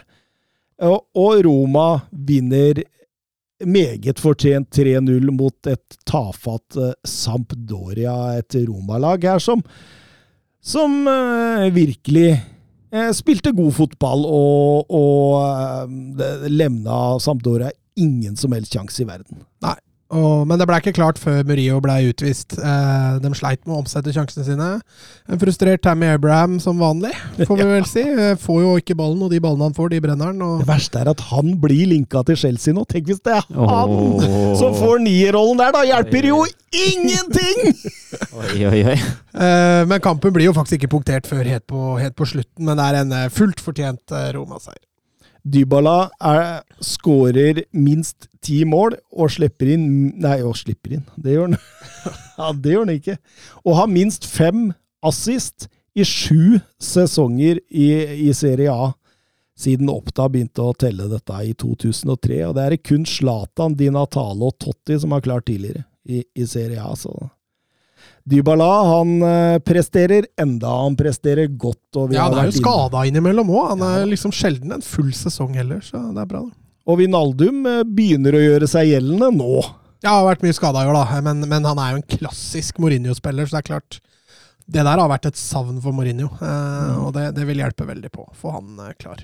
Ja, absolutt. Nå er det 51 poeng til Milan, 50 til Inter, 50 til Roma og 49 til Atalanta. Det, det, er, jo et race! Ja, det, det er rotterace, det. Men, og så og er det så ustabilt òg, da. Ja, Juventus har 44, vi bør nevne dem òg, Mm. for de taper jo ikke lenger. Ja, Nei da. Men Men jeg, jeg, tror, jeg tror Atalanta har faktisk 48. Ja, sa jeg ikke det? Nei, jeg sa 49. Ja, ok. Men ja, men det er fortsatt altså det, det, altså er det jo litt sånn den ustabiliteten. Altså, plutselig ender en av de klubbene der opp med å tape mot Salatin- Salernitana eller Lecce eller noe sånt. da. Mm. Og det, det er jo fryktelig fascinerende. Vi går over til liga. sur la frappe de Messi de, De de Mercado, Mercado, oui. Mercado, et, et là aussi on a un petit peu de réussite. Griezmann sur l'appui, c'était bien joué avec Giroud. Oh, Sylvain Oh, il l'a vu Oui. Kylian Mbappé Kylian Mbappé, il l'a vu Ça fait 4 Et ça fait peut-être un quart de finale pour l'équipe de France. 68e minute. Oh, la joie collective parce qu'ils ont tous jailli du banc pour aller saluer cette passe décisive géniale de Giroud et ce doublé pour Kylian Mbappé. Vi eh, begynner eh, selvfølgelig med PSG, som vi alltid gjør, siden det bare er PSG vi ser og snakker om i sin fulle helhet i, i Ligue Ø. Og eh, det var et eh, Lyon med en Laurent Blad som var tilbake på gamle trakter. Eh, setter opp laget sitt eh, omtrent prikk lik det vi får fra Galtier og, og, og PSG. Dermed speiler lagene hverandre, og, og, PSG tar jo veldig rask styringa i kampen. Altså Rent possession-messig så var jo ikke det så veldig overraskende. Det var vel også planen til, til Lyon at PSG skulle styre dette her. Eh, Det som kanskje er litt mer skremmende, er at det er, litt tafatt foran mål. Eh, PSG skaper ikke sånne kjemp... De raider ikke opp de store sjansene, da. Det, det blir for lite truende og altfor lite gjennombruddssissy. Litt for mye fokus på bare det å ha kontroll på kampen, og det, det biter dem i ræva. det. Ja, for Lyon begynner jo etter hvert å finne ut av hvordan man skal kontre. fordi det, Ja. det, det var jo der problemet lå Ja. de første minutta. Ja, og sånn at de finner ut av det å komme seg inn uh, i enten mellom- eller bakrom, så begynner det å bli eh, ganske uh, Det begynner å brenne litt rundt Donnarumma, da. Mm. Uh, de skaper jo en del sjanser, og midtveis i første omgang er jo Lyon det klart farligste laget. Ja, men den kommer, eh, kommer på flere gode overgangsmuligheter og får et straffespark etter 35 minutter der. Ja, Klønete av Donnarumma, det er deg. Men eh, helt riktig straffe. Legger Lacassette i bakken der, og, og Lacassette han sender Donnarumma feil vei, men Ballen klasker i stolpen. klasker i stolpen. Ja, da, da brenner han muligheten til å, til å sende laget sitt i ledelsen, og, og eh, ja Det rusler inn til pause med 0-0. Mm. Og, så blir jo ikke PSG særlig bedre i andre omgang heller. Altså, det, det blir ikke så voldsomt mange tilløp til overganger lenger. Uh, de får litt bedre kontroll på det. Uh, men litt sånn, altså, man, man skulle jo egentlig tenke at, som Mats er inne på, at det blir litt, litt mer farlighet foran mål. da. Uh, at, de skap, at det skapes litt mer, men det er jo skuffende lite som kommer offensivt fra PSG. altså. Ja, jeg, jeg, Altså, Så lenge Mbappe sliter med å få bakrom, så får de ikke den trusselen inn bak. Altså, det blir for det blir for korte avstander, da. Det er klart, Lyon har jo verdens beste midtstopper bak der, så det blir vanskelig å bryte gjennom Dejan Lovren der, men eh, Men også Messi. Jeg var jo, til, jeg var jo, eh, jeg var jo antydning til pipekonsert. eh, og det er kravstore publikummere der, og det Nei, det er, dette, er, dette er flatt, ass, fra PSG. Det er, eh, det er fryktelig dårlig. Og selvfølgelig da så får Lyon kontringen sin, som de har venta på, og Bradley Barcola setter 1-0 nydelig på bakerste der, og Nydelig ball av eh, Mendes i oppbygging der, altså. ja da. Ut til en seke der som legger den inn og Ja, men det er også litt responsen etterpå, da. Eh, liksom du, som uteblir. Eh, Mm. Galtier går over til en 4-3-3 der, setter inn Eketike. ja. Eh, men men, men, men det, det, er liksom, det, er, det ligger sånn teppe av frustrasjon Mm. over hele Parte Prance der, altså. Publikum, spillere. Det, du ser frustrasjonen der. Mm. Og Nei, det, det, det, ser ut som det er et lag som er litt rundt ute av mental balanse, rett og slett. Ja, nå har de jo tapt to på rad også. Eh, Tapte jo først, eller siste før landslagspausen og taper første etter. Eh, og ja, Kanskje drøyt å kalle det tatoppgjør, men det er jo mot en rival, eh, selv om det er god avstand mellom dem. og det, altså, det ser ut som spillere har rett og slett hatt trøbbel med å motivere seg. Og det, det Ja, og- er en dårlig trend. Altså. Og det, det begynte jo etter at de røyket av Champions League igjen. Ja, Samme som åra før. Ja. Men igjen, da, de har for stort forsprang. Det er riktignok sp- spist opp litt, men uh, jeg ser allikevel ikke noen andre skal ta dette. Nei, det blir jo ikke spennende. Hvor mye av det nå? Seks poeng? Ja. Det blir ikke, det blir ikke spennende. Problemene, problemet her, og, og det som kunne på en måte sparka dem litt i balla, da, for å si det sånn, det er jo det at eh, du har et Marseille som trøbler, og trøbler på hjemmebane. Altså, eh, de har ikke vunnet hjemme eh, på Velodrom siden 14. januar. I, I league Ø. Det er fem kamper på rad uten hjemmeseier. Det blir litt av det samme som vi ser i Wolfsburg. Da. Mm. De røyk også eh, i Cop de France eh, hjemme mot Annecy fra uh, Liga Dø Eh, som ligger i bunnsjiktet i Liga Dø Eh, de ryker i Champions League av at de er svake hjemme. Det er, det er, det er et så spøkelses... Altså, det, det henger et spøkelse over Marseille hjemme at du, du vil ikke tro det engang. De har 11-2-1 på bortebane, og de har 7-4-4 på hjemmebane. Hvis de hadde snudd og, og, og, og vært i nærheten av det de har i på bortebane, så hadde de jo leda ligaen 6-7-8-9 poeng Mm. foran Paris Saint-Germain. Mm. Ja, det, det er jo Jeg tror kanskje at det er en grunn til den der umotiverte som, eh, som du er inne på, Mats. At de veit veldig godt at bak er det ikke noe stabilt. De veit at dette her blir ikke spennende. De veit at dette her har vi kontroll på hvis vi bare tar poeng mot, mot litt sånn lett motstand der vi ikke trenger å og Der det ikke krever så mye av oss, da. Jonathan Hobber spør eh, Galtier ute på dypt vann og eh, PSG i skikkelig motbakke. Kanskje det ikke var Porcetino og Leonardo som var problemet. Kanskje det bare er noe fundamentalt galt med hele måten klubben drives på. Kan Mbappe være noe av skylda? Ja, altså, det, det, er jo Jeg føler at det er liksom den mentaliteten til spillerne som kommer inn, da. Uh, at de mener at de er så store superstjerner.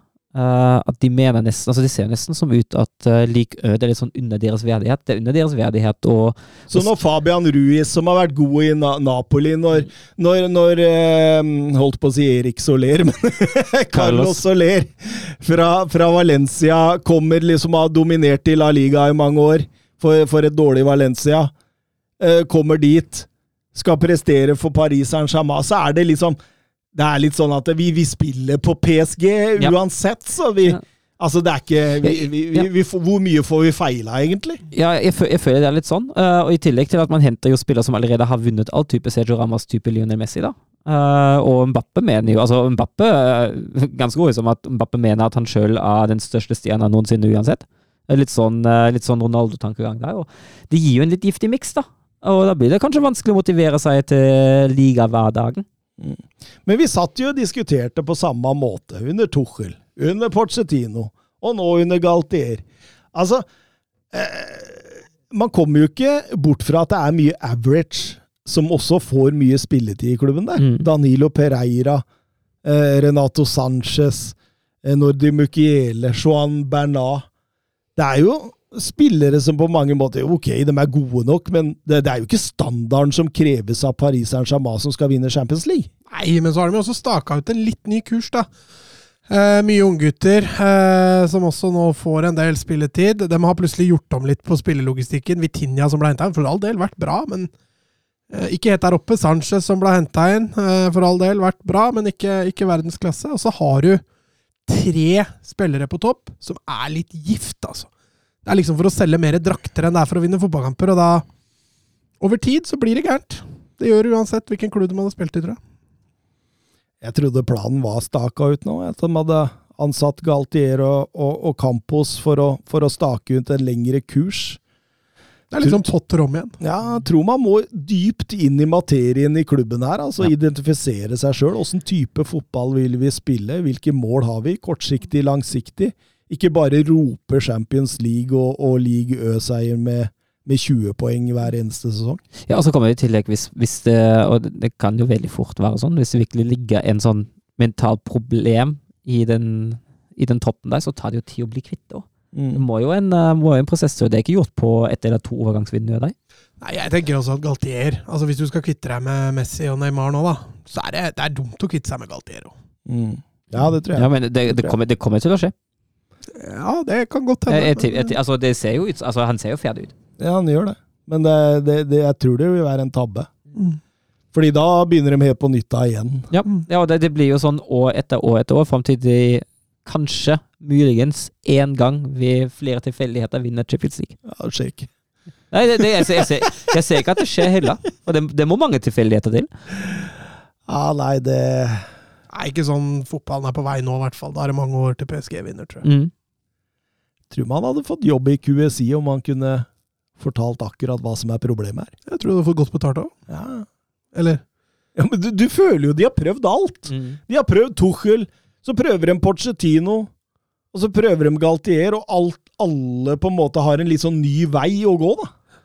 Ja, de har jo hatt Lauren Blad for det nå, så det er ikke akkurat mangel på Nei, du, du, prøver det defensive, du mm. prøver det offensive, du prøver det ballbesittende, du prøver det kontringsorienterte. Men det er jo kanskje litt det som er problemet, at man ja, ikke har en rød tråd ja, heller, da? Ja, det er det jeg kanskje tenker, ja. ja. At man må liksom stake ut, og det er det jeg mener med det å identifisere seg sjøl. Åssen type fotball skal vi i Paris Saint-Germain spille? Ja, ikke minst åssen type filosofi skal vi ha på spillelogistikk generelt, da. Mm. Eh, Lans vinner mot renn nok en gang. Opphenda som eh, setter eh, kampens eneste mål i en jevn kamp som kunne bikket begge veier. Bernt Olav Gjellegjerd Hansen skriver 'Will Still Is Back'. God påske. De knuste Nant 0-3 på bortebane. og tenker det var viktig for dem å komme rett opp på hesten igjen. Ja, det er jo det. Mens eh, Monaco spilte en svært underholdende kamp mot Strasbourg og vant 4-3 i en kamp hvor Segir skårer mål, denne unggutten, men også Edan Diop. En ny unggutt som er på vei opp, så det Ja, i vanlig stil kommer Monaco krypende oppover tabellen mot, mot slutten der. Det er nesten like, like normalt vårtegn som hestehoven, det der. Ja. Eh, Tenk hvis de hadde starta like bra som de avslutta, da hadde de vunnet. Ja, men Monaco har jo også et høyt toppnivå. Det har de jo vist eh, år etter år. Eh, det er som du sier, det er bare så synd de bruker så jæklig lang tid på å finne formen. Eh, Vi kjører eh, Europahjørnet. Bra jobba, gutta! Bra ball! Nei! Ah, grei offside. Tor Håkon, den er grei. Tor Håkon! Nei, Tor Håkon, det var din egen skyld. Ikke bli sint for det, i hvert fall. da. Tor Håkon, ikke kjeft på dommeren, og ikke kjeft på dommeren. Tor Håkon, nå hører du på dommeren. Det er hver gang, altså. Hver gang. er der.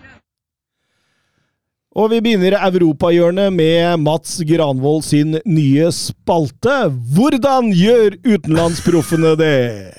Får jeg en jingle? Skal jeg trykke på den? Ja, nei, altså Jeg fikk jo så kjeft av deg her nå, fordi Lillestrøm var ikke europahjørnet, mente da måtte jeg finne, finne et nytt konsept. Og da, da blei det, ble det at jeg kunne heller ta en liten recap av hvordan de norske proffene har gjort det i de litt større ligaene, da.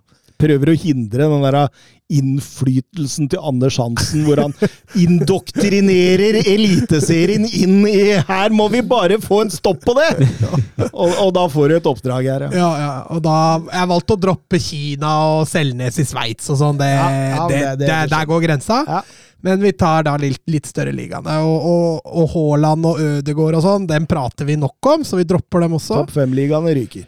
Ja, ikke topp fem-ligaene nødvendigvis, men i hvert fall de laga spillere som ikke spiller så mye. da. Eh, Vi kan begynne med Kristoffer Ayer, fortsatt ute med skade. Med andre ord ikke spilt en dritt. Eh, Mohammed El Younussi, 54 minutter mot Westham. Spilte relativt svakt i kamp eh, Southampton tapte 1-0. Kristoffer Claesson han er fortsatt på rekruttlaget, så spiller ikke rare minuttene i, i Leeds. A Championship, Leo Gjelde. Eh, spilt veldig mye, faktisk. I, i Som venstreback, som venstreback i Rotherham. Uh, er jo leid inn for å hjelpe dem. Uh, etter landslagsoppdraget nå så starta han riktignok på benken. Fikk de fem siste minuttene i 0-0-kampen mot Hull. Sander Berge han hadde fortsatt også litt dårlig trend fra landslaget. Tapte 0-1 mot Norwich, spilte 69 minutter der. Stefan Johansen og QPR, som dessverre kjemper litt med ryggen mot veggen, eh, mot et nedrykk fra Championship. Han eh, spilte 75 min mot Telo Aasgaard eh, i Wigan, som ligger enda dårligere an. De ligger helt sist. Men Wiggen Wigan tok en veldig beleilig seier der, 1-0 mot QPR, og har et lite håp. I La Liga, Alexander Sørloth fortsetter dessverre dårlig i form. Eh, tok, tok ikke med seg målformen fra landslaget. Eh, Sociedad tapte 2-0 mot Villarreal, og Sørloth hadde en relativt middels eh, svak dag på jobben. Eh, Strand Larsen eh, spilte, kom inn i det 67. minutt i 2-2-kampen mot Almeria. Eh, har jo fått veldig dårlig betalt, har jo egentlig spilt ganske bra i Celta. Eh, men etter Seferovic har kommet inn, så har det blitt bare mindre og mindre spilletid. og det Selvfølgelig litt synd. Bundesliga, der spilte jo Ryerson, der var vi innom, var håpløs. Eh, Ørjan Nyland, ikke spilt et minutt. Eh, Hanke Olsen var vi også innom. Kom på ukas lag i kicker. eh, var strålende i 90 minutter mot eh, Leipzig. Thorsby tilbake fra skade. Eller, eh, jo, tilbake fra skade. Spilt kom inn i det 60. minutt da Union vant 3-0 over Stuttgart. Ta med andre Bundesliga òg. Mats Møller Dæhlie, 90 min. Darmstadt, som er i ferd med å rykke opp der. Nürnberg tapte 1-0 der. Håvard Nilsen, som har vært ute i media, og klaga og sutra for at han ikke er tatt ut på landslaget. Han, eh, han spiller ganske bra i Hannover for tida. Ja. selv om Hannover er en middelhavsfarer, så slo de altså Sandhausen 3-1 uten at Håvard Nilsen havna på skåringslista. I Serie A, Ola Solbakken. Så dere den videoen med Mourinho og Solbakken? Ja, var fin. den. Ja. Kom inn i det 80. minutt. Eh, hadde en assist. Eh, rakk å få en assist eh, på 3-0-seieren over Sampdoria. Østigård ubenytta mot Milan. Eh, Botheim ubenytta for Salernitana, mens Bohinen han kom inn i det 69. minutt mot Spezia i 1-1-seieren der. Eh, 1-1-seieren, faktisk. 1-1 U der, altså. Emil Seide og Thorstvedt spiller jo som sagt i dag. Det samme gjør Kristoffer Askildsen for Lecce. Eh, Ligø, der er Kjetil Haug og Warren Kamanzi ubenytta i Toulouse sin 3-1-tap. Birger Meling spilte bra i 90 minutter, selv om det ble tap mot Lons. Og Noah Jean Holm er skada, så han spiller jo ikke noe for Will Still. Jeg regner med vi skal innom Skjeldrup på Aursnes i ditt europahjørne, så da dropper jeg den foreløpig. Æresdivisjon det er blitt en sånn norsk serie. Ja. Eh, mye nordmenn. Sondre Tronstad tapte riktignok, men spilte nok en bra match. Har jo fått en kjempestanding i Vitesse. Johan Hove han har jeg lansert egentlig på landslaget, men han har en såpass viktig rolle på U21, eh, så han er ikke tatt opp ennå. Men nok en strålende kamp. Eh, Tapte riktignok 3-1 mot Fortuna. Markus Pedersen i det som var et veldig mye nordmenn-oppgjør mot eh, Sparta på Rotterdam. Eh, Pedersen spilte jo selvfølgelig da for Feinor, vant 3-1. Kitolano og Lauritzen spilte for Sparta og tapte der. Melkersen var ubenytta reserve. Nå ble det, jæv- det ble veldig mye, altså. Vi har for mye nordmenn. Melkersen er et jævla bra navn, altså. Eh, Melker, ja, han har ikke fått så mye spilletid heller, etter at han, han er vel på lån, så vidt jeg veit, fra, fra Skottland der. Eh, Sarawi fikk en assist i 1-1-kampen mot Aset Alkmaar. Daniel Karlsbakk han kom inn i det 67. minutt og var ikke veldig toneangivende. Vi kan avslutte med Belgia. Antonio Nusa kom inn i det 80. minutt når Klubb Brygge vant 3-0 over Mechelen. Christian Arnstad kom inn i det 37. minutt og, og fikk assist på ja. 1-0-skåringa til Anderlecht, som ble den eneste, så han eh, var toneangivende. Dala nok en god kamp eh, for Serkel Brygg mot Kortik i 2-0-seieren der. Og Aron Dønnum har i ferd med å få en ny vår under Ronny Deila i Standard Liège. Spiller en wingback-rolle. Og har eh, assist i 3-1-seieren eh, til Standard Liège. Jeg tror kanskje jeg må kutte ned antallet her, altså, for Ja, det, ble, det, ble veldig mye. jeg tror i hvert fall du kan uh, skippe de som er utafor tropp og sånn. Ja, og ubenytta reserver som type Ørjan Nyland òg. Ja. Jeg kan kanskje Det ble veldig mange her, altså. Jeg tror jeg må, jeg tror jeg må gjøre noe med det Jeg sa du tenkte det rekker jeg å se Tottenham i dag. Begynner i championship og tar med litt andre Bundesliga. Skal vi se ja, Nei, jeg kan legge til Nei da, jeg skal ikke legge til. Jeg kan gjøre det kjapt. Eh, Ajax bortekamp mot Go Ahead. Uh, skapte en del sjanser i første omgang, bomma på alle sammen. Skapte veldig lite i andre omgang. Den kampen endte 0-0. Eh, de øvrige AZ spilte 1-1 mot Heerenveen. Eh, PSV vant 2-4 4-2 borte mot NEC, og Feyenoord slo Sparta 3-1. Og i tabellen betyr det at Feyenoord nå er åtte poeng foran Ajax. Det blir Eh, ligagull, det blir til Feyenoord. PSV er A-poeng på plassen bak Ajax. Begge to har 56, og AZ er to poeng bak med 54 på fjerdeplass. Så det er ikke spikra det deg, den andreplassen for Ajax heller.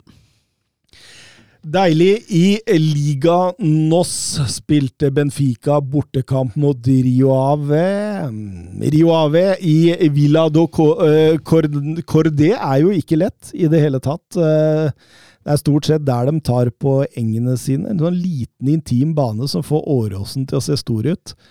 Så skal det sies det at halve stadion nå er et stort byggeprosjekt, egentlig. Så det, jeg tror det var bare 4000 tilskuere der. Det er Veldig veldig lite for å være Benfica, men, eh, men eh, ingen stor førsteomgang i det hele tatt. Benfica har en del ball, og, og, og Rio Ave ligger lavt, i, nærmest i 5-4-1. Eh, Sliter med å komme til de store sjansene, men rett etter pause så er det Gonzalo Ramos som, som setter kampens eneste mål, da han banker ballen i mål fra 6-7 meter etter at det har vært noe trøbbel baki altså De klarerer i hverandre og sånt baki der, som gjør at ballen faller bare rett i Ramos, som ikke lar seg be to ganger. Eh, eh, Rio Ave har vel kun én stor sjanse i løpet av kampen. Den kommer mot slutten. Hvitåret der, som har en god sjanse på heading fra fire-fem meter. Timer det litt dårlig, og ballen går ganske langt over. Og, og dermed vinner Benfica nok en kamp. Eh, Aursnes spilte hele og var en av de bedre på banen. Tengstedt fikk ti minutter for Rafa Silva uten å bemerke seg, og Schjelderup satt på benken gjennom hele matchen. Sporting eh, hadde full kontroll på Santa Clara, vant 3-0. Braga vant 1-2 over Chávez borte i en litt mer jevn kamp, mens Porto slår Portimonese 1-0. Null eh, full kontroll tross 1-0. Portemonese hadde veldig lite å by på offensivt, og dermed vinner jo alle laga øverst i tabellen der, og det er uforandra med Benfica ti poeng foran Porto på andreplass. Nå, før vi gir oss, så var det noe Mats, nei, Anders Hansen-opplegg fra i sist gang, var det det? Ja, Tabelltips i Eliteserien. Jeg og Søren har gleda oss. Vi har gledet oss veldig. Eh, Jeg har eh, Jeg, jeg vant jo dette sist, så jeg må jo fortsette. Du er regjerende mester. Ja. Du må, du må nest, altså jeg tenker må, er hvordan skal vi gjøre dette? Tenker- Bare si eh, 16.-plass oppover? Ja, altså 16, vi alle sier 16, og så må alltid en annen en starte, at man ikke kan forandre det ut ifra hva de andre har tatt, da, tenker jeg. Hvis du skjønner hva jeg mener. For det er en fordel å være sist. Kan, Hvorfor det? Jeg har jo skrevet det ned. ja, men uh, det kan jo hende at man forandrer det ut Ja, når man det spiller ingen rolle. Ja. Jeg har jo også bestemt meg, liksom. Ja, ja, ok, nei, men jeg har bestemt meg òg. Ja, nei, men det er greit, det. Eh, skal vi begynne hos deg, da? jeg kan begynne. 16.. Eh, Ja, jeg har kamma. Jeg har kamma, òg. Det har jeg òg. Å, faen, dette blir helt likt, dette. 15. Ja, vet du hva? Det, jeg, dette her blir feil, for dem, dem slutter jo ikke å overraske. Men jeg har Sandefjord på 15., og det, de kommer att til å overleve på en eller annen dust måte. Jeg har Ålesund, ja. Jeg har Ålesund. Ja, nei, de, de overlever. Ja. Nei, de kan hende rykke. Jeg gjør om! Nei da. 14., da? Der har jeg Haugesund. De har sett helt forferdelig ut i oppkjøringa, så jeg, eh, jeg lander på dem. Jeg Har også gjort noe salg der, så det skal bli vanskelig å Jeg har Sandefjord på 14.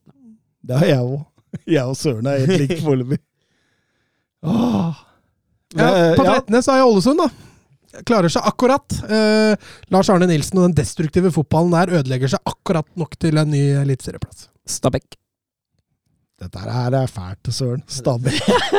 Du, Historisk sett, å bli nummer to i Obos-ligaen, det gir, det gir uh, toppkamp i. Eliteserien året etter det. altså. Ha, hadde sett Brann, eller? Jo, jo, men dem også kan jo bli toppkamp, dem òg. Ja. Eh, på tolvte er Stabæk. Da har jeg Haugesund. Haugesund? Nei, du kødder! Nei! Ja, nå må Thomas si først neste gang, så ikke det blir noe rot her nå. Så det ikke Ja, men jeg har jo skrevet her, da. Det, sto det på det? eh, på ellevte, der har jeg Tromsø. Jeg har Ott på 11. Odd. Dette er sjukt, altså. Eh, på tiende så har jeg Stromsgodset. Jørgen Isnes, han eh, gjør det bra, han. Ja, jeg, har, jeg gleder meg til å se ham i Eliteserien. Veldig spennende trener. Men jeg har Tromsø på tiende. Jeg har Strømsgodset. Oi, oi, oi, oi. På niende, der har jeg Odd Grenland Paco Ball. Han eh, fikser nesten øvre halvdel. Da har jeg Strømsgodset. Der er jeg Tromsø. Eh, på åttende, der eh, kommer Sarpsborg 08. Alltid sånn jojo-lag. Vanskelig å tippe Sarpsborg, ass. Ja, ja. Eh, kan bli hva som helst. Men åttende har jeg dem på. Jeg har dem også på åttende. Ja. Der har jeg Viking. Går nedover med Viking på ditt tips fra i fjor, i hvert fall. Mm. Eh, på sjuende, der har jeg Enga. Eh, den oppkjøringa de har hatt nå, så det der kan gå dårligere, og det kan gå bedre. Så da er det naturlig å sette dem på sjuende. Altså. Jeg har Vålerenga, ja. Det har jeg òg. Bare hermer etter oss, du. Thomas. På sjette, der har jeg Viking. Eh, jeg tror det Altså, det kan også bli hva som helst. Jeg tror det fort kan bli medaljekamp der òg, altså. Jeg har Rosenborg på sjette. Uh, Ja, Sarpsborg. uh. eh, på femte, der har jeg Fugla. Og det er fordi jeg, jeg har egentlig lyst til å tippe dem høyere, men det er Fugla. Dem surrer det til på en eller annen måte. Jeg har LSK på 50. Jeg har akkurat samme måte, faktisk. Har LSK på femte. Dette blir, dette blir jevnt, ass. Mm. Jevnt. Ja, Fordi vi har altså- nesten samme tipset, liksom. Ja, Ja. Eh, på fjerde der er Rosenborg. Eh, de har hatt en grusom oppkjøring, og de selger unna viktige spillere. Så skal det bli spennende å se om de greier å erstatte. Så det blir spennende. Jeg har Viking på fjellet Jeg har Brann. Jeg har Brann på tredje. En fantastisk oppkjøring som gjør at det er vanskelig å ikke tippe dem i toppen. Ja, jeg er helt enig. Jeg har Brann på tredje, jeg òg. Ja, Rosenborg. De har hatt en fantastisk oppkjøring! Og kjøpt mye gode spillere! Nei, men Rosenborg kommer. Tre. Men det er litt som i fjor, da. De sleit jo i starten, og så Ja, kom de noe jæklig på høsten. Eh, på andre, der har jeg Molde. Oi. Ja. Jeg har Glimt på andre. ja. Det har jeg òg. Den stallen til Glimt De kan jo stille tre elvere som er bedre enn de neste på tabellen. Nei, kanskje ikke Molde, da, men eh, bak der igjen. Da har jeg Glimt da på første. Ja, jeg har Molde på første. Ja, Molde på første. Da hadde vi fortsatt uh, toppskårer, assistkonge og keeper med flest nuller, da.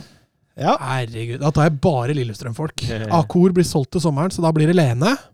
Ja, gi meg et øyeblikk. Bare skrive det ned. Lene Olsen som toppskårer. Ja! Thomas Lene Nei, men, oh, Jeg kan, jeg kan si min toppskårer først, da. Ja, Berisha? jeg går for Amal Pellegrino. ja, det er et godt tips. Hva kalte du Anal Pellegrino? Pellegrino. Anal, anal Pellegrino. Anal Pellegrino.